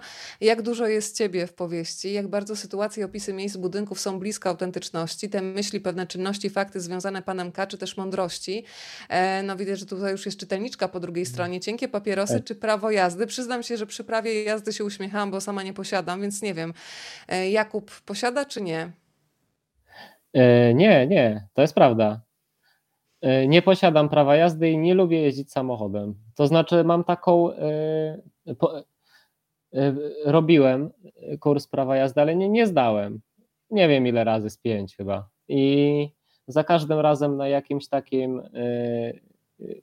w jakimś takim momencie, w którym nie miałem świadomości, że coś zrobiłem nie tak, I, ale zostało mi to później rzetelnie wyjaśnione, e, więc chyba, chyba to wynika z tego, że ja ale robiłem bardzo wcześnie, już dawno temu i może, może teraz by nie było z tym problemu, ale nie posiadam prawa jazdy, czuję się jadąc samochodem jestem podenerwowany jako pasażer, e, no nie jest to chyba po prostu boję się tego. Mam wrażenie, że grozi mi niebezpieczeństwo. Jakoś tak y, całe życie chodzę na własnych nogach i albo y, czuję taką trochę klaustrofobię, trochę taki lęk przed jeżdżeniem samochodami, wolę się poruszać pociągiem, albo, więc to jest prawda, cienkie papierosy, tak, palę cienkie papierosy, ale dużo mniej, ponieważ palę teraz elektroniczne, więc to też jest akurat atrybut też mój, ale chyba też nie tylko mój.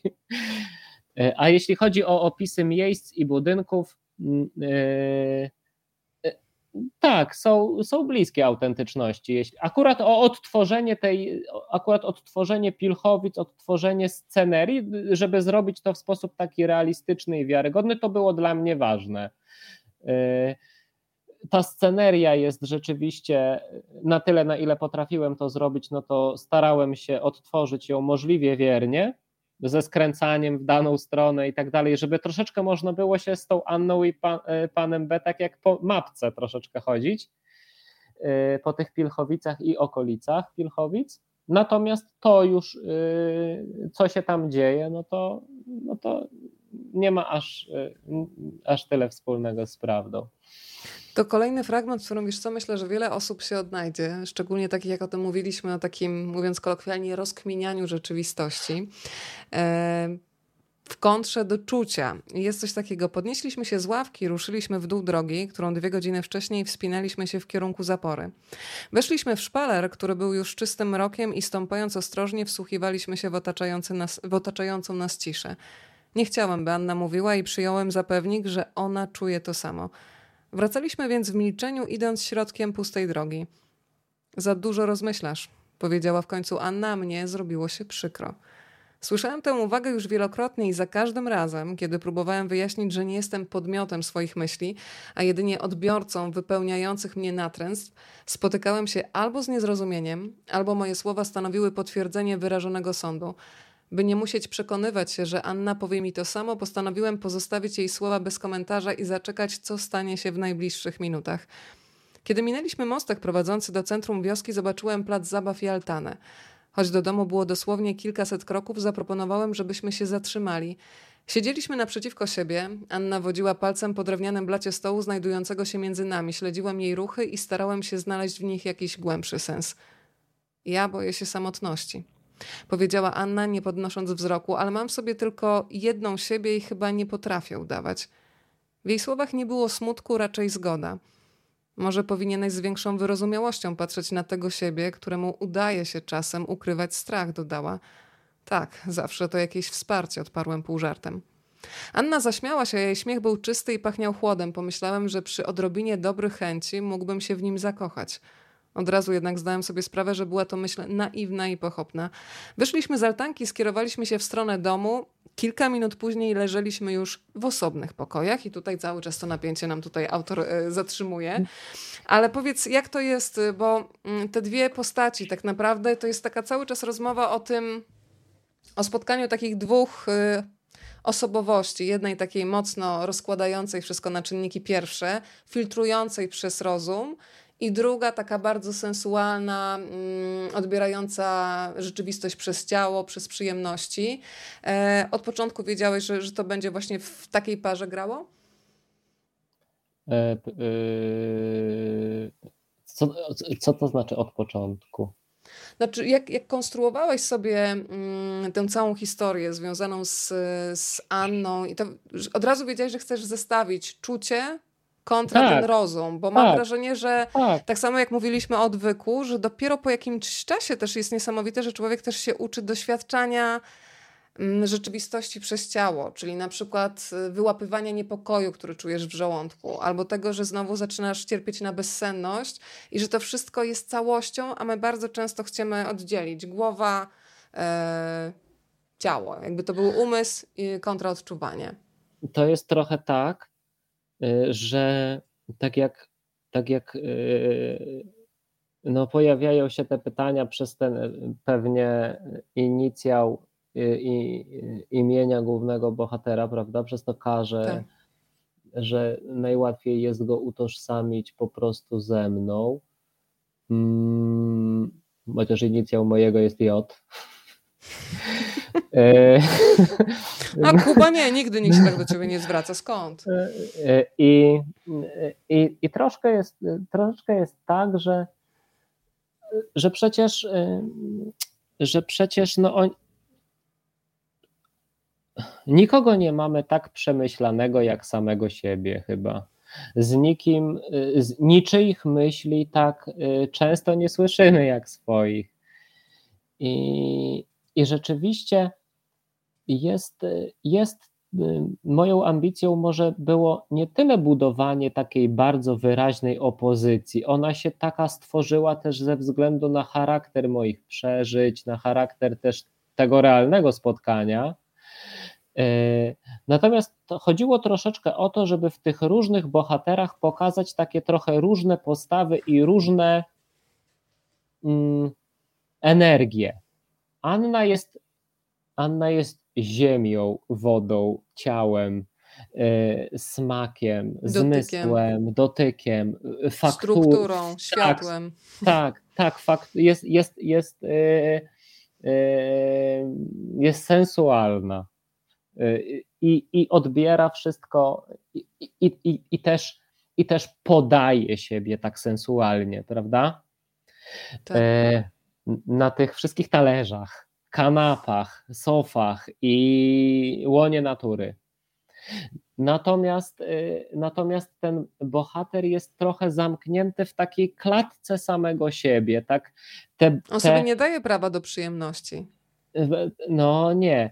I, y, I teraz to też wynika z tego, że, że te, jeśli, to wyjaśnia to trochę pan B, bo Y, mamy tego, mamy te, te, ten, ten trzeci element trójkąta, który mm, doświadczył już i te w tym pierwszym wcieleniu, i tej takiej ekspansywnej sensualności, i doświadczył tej eksploracji y, intelektualnej, i doświadczył takiego zwykłego mm, ekonomiczne, zorientowanego na ekonomię życia przedsiębiorcy. Doświadczył bardzo silnie tych dziecięcych przeżyć w jakimś takim y, osobnym wcieleniu i wydawałoby się, że jest taką skarbnicą mądrości, która może nam powiedzieć, która z tych postaw jest najlepsza, albo którą należy się kierować, ale on tego zupełnie nie robi, bo nie wiadomo tego.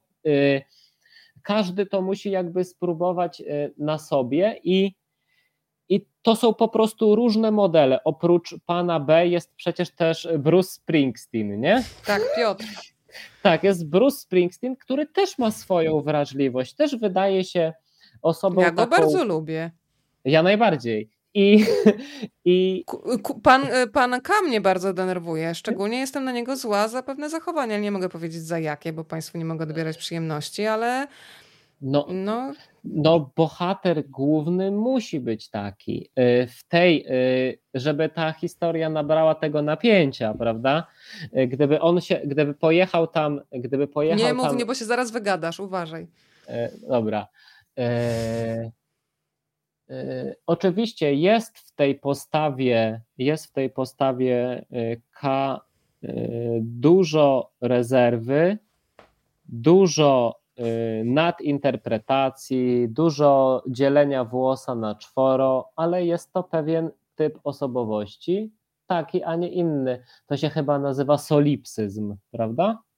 Czyli, ja taka, czyli takie yy, hamletyzowanie Okay. A może tak, a może nie. A mo I zamiast przejść do działania, to ten nadmiar refleksji, ta nadanalityczność, to, to skrajne jakieś uporządkowanie, ta, ta, ta jakaś blokada, która nie pozwala bohaterowi zaczerpnąć przyjemności, zaczerpnąć głębszego oddechu, mimo tego, że znalazł się w raju na ziemi, to co z tego, skoro on ma jakiś... Nie potrafi z tego skorzystać. Nie potrafi z tego skorzystać, nie? Zupełnie, tak jakby był ślepy na to. Ale wiesz co, jednocześnie, no tak, ale on też jest taki narcystyczny, bo on jest skupiony mocno na sobie i jakby wszystko tak. się kręci jednak, tak jak mieliśmy ten fragment z żarówką, no on myśli o swojej przyjemności, z której nie może skorzystać, ale jednocześnie pewnym, nie wiem, brakiem decyzji yy, czy, czy przewidywania też no, potrafi ranić, pewnie niecelowo, ale to też się dzieje.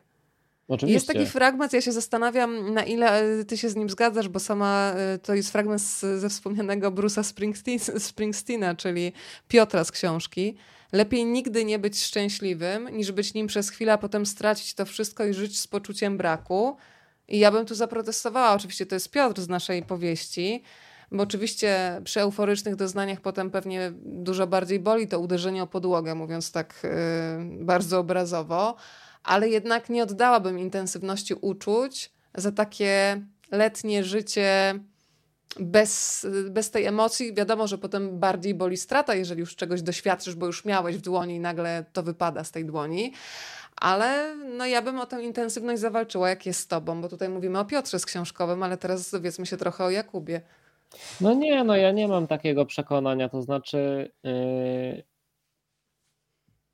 wydaje mi się najciekawsze w tym całym yy, rozmawianiu o szczęściu właśnie to zmierzanie do niego, to poszukiwanie, mhm. to, to, to, to ta ciągła, ciągle powracające pytanie, czym ono jest, Pamiętam, jak ty powiedziałaś przy okazji tej poprzedniej naszej rozmowy y, o tym takim nadmiarze, o tym, że, że tak się to chyba, że tak się y, Y, że ty odczuwasz szczęście w taki sposób, jakby a tak. jak, jakbyś miała że mi czegoś wychodzi za jak było za dużo, a smutek się wlewa idealnie jak do wyprofilowanego naczynia. Tak, to jest tak. bardzo zaskakujące, ale tak, tak to odkryłam, że tak to działa u mnie. Tak, to pamiętam to, bo to, to mi się tak spodobało i, yy, i rzeczywiście i yy, ja szczerze mówiąc yy, chyba jestem, jeśli miałbym użyć tego słowa szczęście, no i coś, po, coś pod nim, jak je rozumiem, no to ja, dla mnie szczęście jest harmonią, czyli takim równowagą. Yy, taki, tymi momentami, w których nie zastanawiam się, co mam do zrobienia. Tymi momentami, w których nie myślę o tym, czy, yy, czy, czy zachowuje się właściwie, czy tak można. Tylko szczęście jest, jest, tak, jest takim, nie wiem, kwadransem jakiejś naturalności zupełnej, zupełnej swobody w zachowaniu. Tak trochę jak dziecko, które wybiega sobie na, nie wiem, zieloną łąkę i. Yy, no i to wybiegnięcie i ta zielona łąka i te zapachy i te maki i te, to niebo i to wszystko wtedy jest akurat najważniejsze, akuratne i jest to jakieś takie zatrzymanie w tym punkcie i tak sobie można już w tym być i trwać.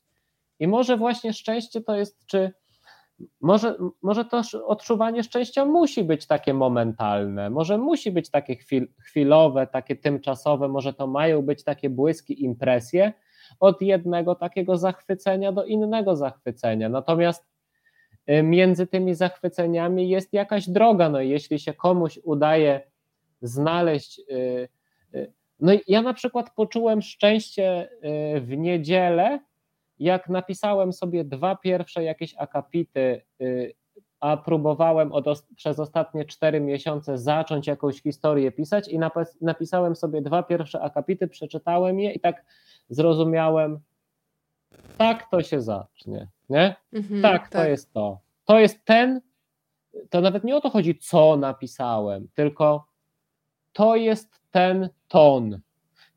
Tak będę mówił teraz, o, jakby w taki sposób. I, I sobie pomyślałem, bo to mi ustawiło, teraz ja już wiem, po tych dwóch akapitach, ja już wiem, że przez najbliższy rok się będę tym zajmował, a bardzo to lubię, uwielbiam to i teraz będę mógł w tym być. I już mam taki święty spokój. Co by się nie działo i co by się nie działo od 7 rano do 20, to ja sobie o tej godzinie 20.30 wrócę do tego tonu. I to jest moje szczęście. Mhm. I teraz dobry moment, żeby Państwo się też zastanowili nad swoją definicją szczęścia. Ja też lubię, kiedy mm, w książkach pojawiają się tytuły innych książek albo filmów. Tam się przewija między innymi życie Carlita. E, w jakich okolicznościach i dlaczego tego Państwu nie zdradzę, proszę zajrzeć. Mm, ale teraz jeszcze e, chciałam Ci podziękować za słowo, którego dawno nie słyszałam. Bo to jest tak, że czasami y, książki otwierają w nas takie przestrzenie, gdzie nas prowadzą do, jakby śledzimy oczywiście losy bohatera, ale też przynoszą do bardzo prywatnych zdarzeń na Castlik. Zastanawiam się swoją drogą, mhm. drodzy Państwo, czy ktoś z Państwa y, zna to słowo, używa, czy ma jakieś konkretne skojarzenia, bo ostatni raz słowo na Castlik słyszałam z ust y, moich dziadków. Bardzo, no ja myślę, że to było 20 lat temu, 15 lat temu y, i od razu powiem Ci, że przyniosłam się na Podkarpacie do, do domu moich dziadków i to jest niesamowite, jak słowo może być takim wytrychem pamięci, gdzie nagle Cię teleportuje do kompletnie innej przestrzeni. Jak w ogóle Ty odbierałeś Śląsk? Bo tam się pojawia delikatnie zarysowany też mm, taki rys historyczny, jako takiej przestrzeni, gdzie bardzo dużo było wygnańców, ludzi, którzy trafiali na obce ziemie, zaczynali tak naprawdę swoje życie od nowa, gdzie były pogmatwane historie rodzinne, wiele tematów tabu. Czy to jest też taki temat, który mm, planujesz gdzieś dalej eksplorować, zgłębiać, bo, bo zarysowujesz to też będąc w tej przestrzeni Dolnego Śląska? E, no, na Kastlik to też może nas kojarzyć, no bo ja też jestem z Podkarpacia i też to słowo jest e, takie zapamiętane jeszcze w moim przypadku od e, prababci. Ja się nie wychodziłem do przedszkola, tylko wychowywałem się w domu. No, moi rodzice w tym czasie byli bardzo zajęci budowaniem domu, więc ja dużo czasu spędzałem z prababcią i ona po prostu używała tego słowa często, że przynieść coś z nakastlika. No i takie. I też bardzo dawno nie słyszałem. Pamiętam, że jak komuś tam przeczytałem y, fragment, w którym to słowo, to nie wiedział, co to jest. Prawie mhm. nikt nie wiedział, co to jest. Tak. I, i y, no, nocna szafka, nie? To jest y, po prostu. I Natomiast co, e, jeśli, chodzi o, jeśli chodzi o Dolny Śląsk, no to e, z Dolnego, Ślą e, z Dolnego Śląska pochodzi mój najlepszy przyjaciel z Jeleniej Góry, którego znam 20 lat. Na Dolnym Śląsku byłem za pierwszy, pierwszy raz w życiu, jak jeszcze w poprzedniej pracy pojechałem z wycieczką szkolną nie szkolną, tylko z takiego ośrodka wychowawczego, w którym pracowałem, pojechałem yy, na takie kilkunastodniowe wakacje w lecie i bardzo mi się spodobało. Yy, później znowu byłem z, zawodowo, też z wycieczką, bo mój kolega z pracy zorganizował i zaprosił mnie do udziału E, w takim bardzo, dzisiaj byśmy powiedzieli, frikowym przedsięwzięciu. Mianowicie zabraliśmy grupę młodzieży do opuszczonego szpitala psychiatrycznego w Legnicy. Mhm. Tego takiego kompleksu e, w Lasku e, Złotoryjskim. Nie wiem, czy słyszałaś o tym, jest taki ośrodek wojskowy. No, to jest mała Moskwa, nie? Mhm. Więc i, i to, te, ta opuszczona przestrzeń, taka rodem z horroru, bardzo mi się spodobała. Do dzisiaj mam setki zdjęć z tamtego miejsca mhm. zrobione. E, no tak, fascynują mnie, e, fascynują mnie miasta, które wymierają. E, miasta, które pustoszeją, bo, bo zostają w nich tylko starsi ludzie, ludzie młodzi wyjeżdżają do tych, że tak powiem, miast wysysaczy, czyli cały Dolny Śląsk e, wysysany jest z ludności przez Wrocław pewnie, całe Podkarpacie i Małopolska wysysane są przez Kraków, a całe Mazowsze wysysane jest przez Warszawę. I tak te miasta, ni to duże, ni to małe, zostają takie trochę opustoszałe, tak jak wracam na przykład nawet do wracam na przykład y, do tego mojego rodzinnego łańcuta, znaczy się, no, y, mie, mieszkam y, pod łańcutem, no ale urodziłem się w łańcucie. I, i, i jak, jak sobie czasami tak patrzę na to, na to miasto, jakie ono jest godzina na przykład 19 i w ogóle nikogo nie ma, nie? Jest pusto, jest ciemno, można iść środkiem drogi i, i, i to jest jakieś takie fascynujące, tak jakby wymarłe było to. Jakby ktoś chciał film nakręcić, to nie musiałby drogi zamykać w ogóle, tego mógłby porozkładać te wszystkie kamery, materace, trupy sztuczne na, na drodze i, i, i, i, wszystko by się kręciło, a niby nikt nie wszedł, niby pies nie przebiegł. I, i, no, no, no i to jest z jednej strony takie, z jednej strony to jest takie smutne, a z drugiej to jest takie magiczne jakieś, bo, bo jak my mieszkamy w tych dużych miastach, y, no to doświadczamy zupełnie innej tej przestrzeni, mhm. innej tej scenerii. No, chodzi się, y, chodzi, idziesz do pracy, no to idziesz slalomem między ludźmi, żeby w kogoś nie wpaść. Wszędzie jest tłok, wszędzie jest głośno, mnóstwo świateł, mnóstwo liter, mnóstwo tych bodźców, mnóstwo tych znaków które do nas coś mówią, a tam cisza, pusto, ciemno. I jakoś tak mm, jakby, jakby ten świat się staje przez to taki. Nie chcę teraz robić jakiejś takiej yy, jakiegoś performance'u, ale robi się takim, że, że yy, robi się taki namacalny, robi się taki bliższy bo nie jest zagadany, nie jest y, zachodzony, zakrzyczany, nie, nie wysyła tych sygnałów, jest po prostu jest. Po prostu mhm. jest pusta droga. Nikt po niej nie jedzie, nic po niej nie idzie, ona tylko jest. I jest dom, w którym są zgaszone światła, zwykły, jednorodzinny dom, e, nie wielki blok, nie ma tramwaju, który jedzie, czy trzeba, czy nie jedzie, tłucze się i rzęzi i tak dalej. E, nie ma tych wszystkich żabek, tych wszystkich Carrefourów, tych na każdym Proszę rogu. mi tu nie lokować produktów. To taka antyreklama. No ja wiem, no ja wiem. I, i no o, Kuba, o, o zmierzamy tym... powoli do brzegu, musimy niestety, ale e, ja od razu Państwu powiem, że będzie dzisiaj można wygrać dwie książki mm, e, Kuby od wydawnictwa Wielka Litera. Przy okazji też Państwu zasugeruję, że 11, tylko sprawdzę, żebym tutaj e, Państwu nie skłamała, bo to by było bardzo duże zaniedbanie, ale proszę śledzić profil Wielkiej Litery.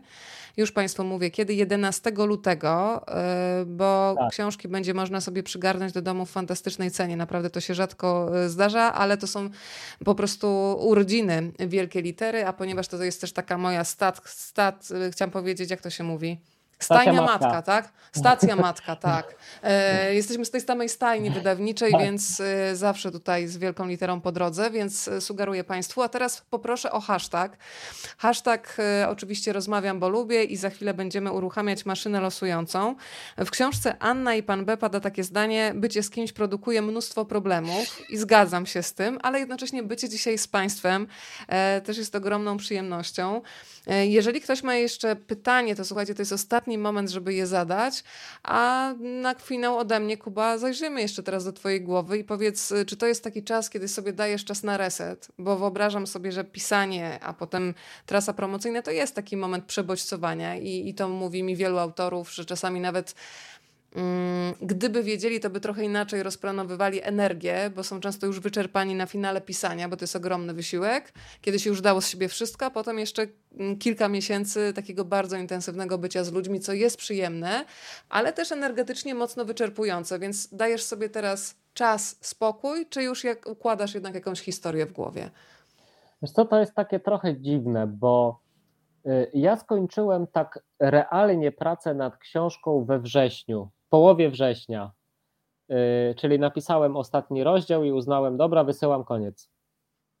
I tak. później trwa jeszcze praca redakcyjna i korektorska. I ona jest taką, mm, to jest takie, trzeba być ciągle w atmosferze i jak, to, to ciągle jest wysiłek jednak taki związany z byciem w tym tekście. Na takim stand-by'u się jest. Ja nie jestem, tak, ja nie jestem w stanie wtedy myśleć o tym, co będę robił dalej, czy pisał dalej. Swoją drogą wiem, że na przykład wiedziałem z dużym wyprzedzeniem, tam powiedzmy półrocznym, że premiera książki będzie 25 stycznia, prawda?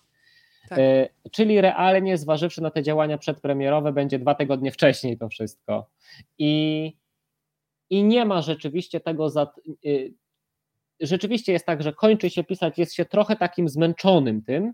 Potem jest jeszcze to takie y, poprawianie, powiedzmy, o tak po prostu a potem od razu jest ta premiera, nie? I y, daję sobie, daję sobie y, spokój i nie śpieszę się i rzeczywiście koncentruję się teraz na tych działaniach związanych z promocją. I im poświęcam swój wolny czas, natomiast y, nie ma we mnie takiego gonitwy, nie ma tego busy time, nie? że muszę coś pisać następnego, muszę coś robić następnego, jestem spokojny, bo mam pomysł i to już jest dużo, to już wszystko, teraz trzeba to tylko napisać. Nie? No to, to jest idealny moment, słuchajcie, żeby uruchomić naszą maszynę losującą i zaraz zobaczymy, do kogo powędrują książki, ale jeszcze wskoczyło na finał ostatnie pytanie od pani Ani. Mm, lubi pan Kraków, panie Jakubie? Dla mnie mm, jedyne miasto w Polsce, może oprócz Rzeszowa, Jeleniej Góry, w którym chciałabym mieszkać. Co z tą niechęcią do Krakowa? Tośce gratulujemy. Za chwilę druga osoba. Ja poproszę oczywiście po programie, to żeby nam nie uciekło, o wysłanie wiadomości pod adres rozmawiam, bo lubię e, małpa gmail.com e, i tam oczywiście przekażę informację, w jaki sposób książka do pani trafi i jeszcze jedno losowanie. A ty, Kuba, e, proszę wytłumacz się z tym Krakowem. No powiedzmy sobie szczerze, że niechęć do tego miasta z tej książki aż bije, no. Bądźmy tutaj uczciwi. No z poprzedniej również. Gratuluję pani Ewie też. To jak, zmienia się coś i w takim razie, skoro to miasto cię tak wygania, to dlaczego uparcie w nim jesteś? Bo mnie to też trochę, wiesz, zastanawia. No, pracuję nad powstaniem tak zwanego syndromu krakowskiego. bliźniaczo, bliźniaczo do sztokholmskiego. A, rozumiem. Więc jestem po prostu Dojrzewa, dojrzewa we mnie taka trochę może inna postawa. To znaczy, nie ma co ukrywać, że Kraków Kraków kojarzy, no kojarzy mi się z tym moim takim powiedzmy negatywnym jakimś etapem życia, prawda? To te wszystkie jakieś przykre doświadczenia, które mnie spotkały albo które sprowokowałem swoją głupotą, no, no to one, one działy się w Krakowie i siłą rzeczy jakby zawsze one już będą i te emocje, i te zdarzenia, i te stany będą do tych kamienic, do tych ulic, do tych... Yy, Ale to jest chyba takie aż triggerujące? Takie, że na przykład unikasz niektórych dzielnic? Nie, nie, nie okay. już nie, już nie, hmm, ale tak, tak, było przez jakiś czas. Y, natomiast już nie jest, to znaczy ja doskonale zdaję sobie sprawę, że to y, Kraków nie jest niczemu winien przecież, Jasne. absolutnie. Ale to, że ja y, w jakichś tam rejonach czuję się tak, a nie inaczej, no to, no to rzeczywiście, rzeczywiście tak jest. Natomiast no, niech odpowiedział na pytanie o taką o, o realność, te, o, o tę moją realną postawę, niech będzie to, że ja przecież jestem tam cały czas, mieszkam, pracuję, uśmiecham się teraz życzliwie i rozmawiam. W Bo siedzisz w Poznaniu. Ale no to no, rok temu rozmawialiśmy, wiem, to też, wiem, też tak. było. Tak. Więc jest, jest rzeczywiście coś na, coś na rzeczy. No, nie jestem jakoś przywiązany super mocno do Krakowa i widzę jego, jak każdego innego miasta i pozytywne strony i, i, i ciemne wiąże się jakoś z ciemną taką, y, z ciemnymi epizodami w moim życiu i może stąd tak czasami to podkręcam, nie? że to mnie tak y, ale nie, nie, nie, nie jestem żadnym wojownikiem z miastem Kraków, nie absolutnie. Kuba, e, dziękuję Ci za dzisiejsze spotkanie. Dziękuję. Świetnie też to podsumowała tutaj pani Kasia. Kraków jak pan K ma dwa oblicza, więc ma te strony ciemne i jasne jak każdy z nas. E, to odpoczywaj, dobrych spotkań. Przypomnij jeszcze tylko kiedy spacer e, śladami bohaterów książki Anna i pan K. Wszystko wskazuje, słuchajcie, na to, że to będzie, ja na pewno będę o tym informował, 18 marca, to jest sobota i to będzie cały dzień ze mną i z Anią. Zacznie się to y, najprawdopodobniej od wczesno-popołudniowego spaceru po tym yy, przestrzeni, w której rozgrywa się powieść. Potem będzie spotkanie autorskie w Jeleniej Górze, chyba o 17 a później będzie jeszcze spotkanie jedno około 20 w miejscowości Wleń. Ale to jeszcze to, dru, to, to drugie jeszcze nie, nie mam tego jeszcze, yy, nie jestem pewien jeszcze. O. Jelenia Góra, 18 marca, 17, to jest pewne. Anna i pan B. E, państwo czytają i piszą recenzje też e, po lekturze. Proszę dać znać e, autorowi, bo to jest zawsze ciekawe, że czytamy te same książki, a w każdym z nas inne fragmenty grają. uruchamiają konkretne, dokładnie inne opowieści i grają. Opowieść o czytaniu książek też w dużej mierze, ale przede wszystkim tak. o czytaniu siebie. Jakub Zając, bardzo Ci dziękuję za to spotkanie i do zobaczenia. Bardzo dziękuję.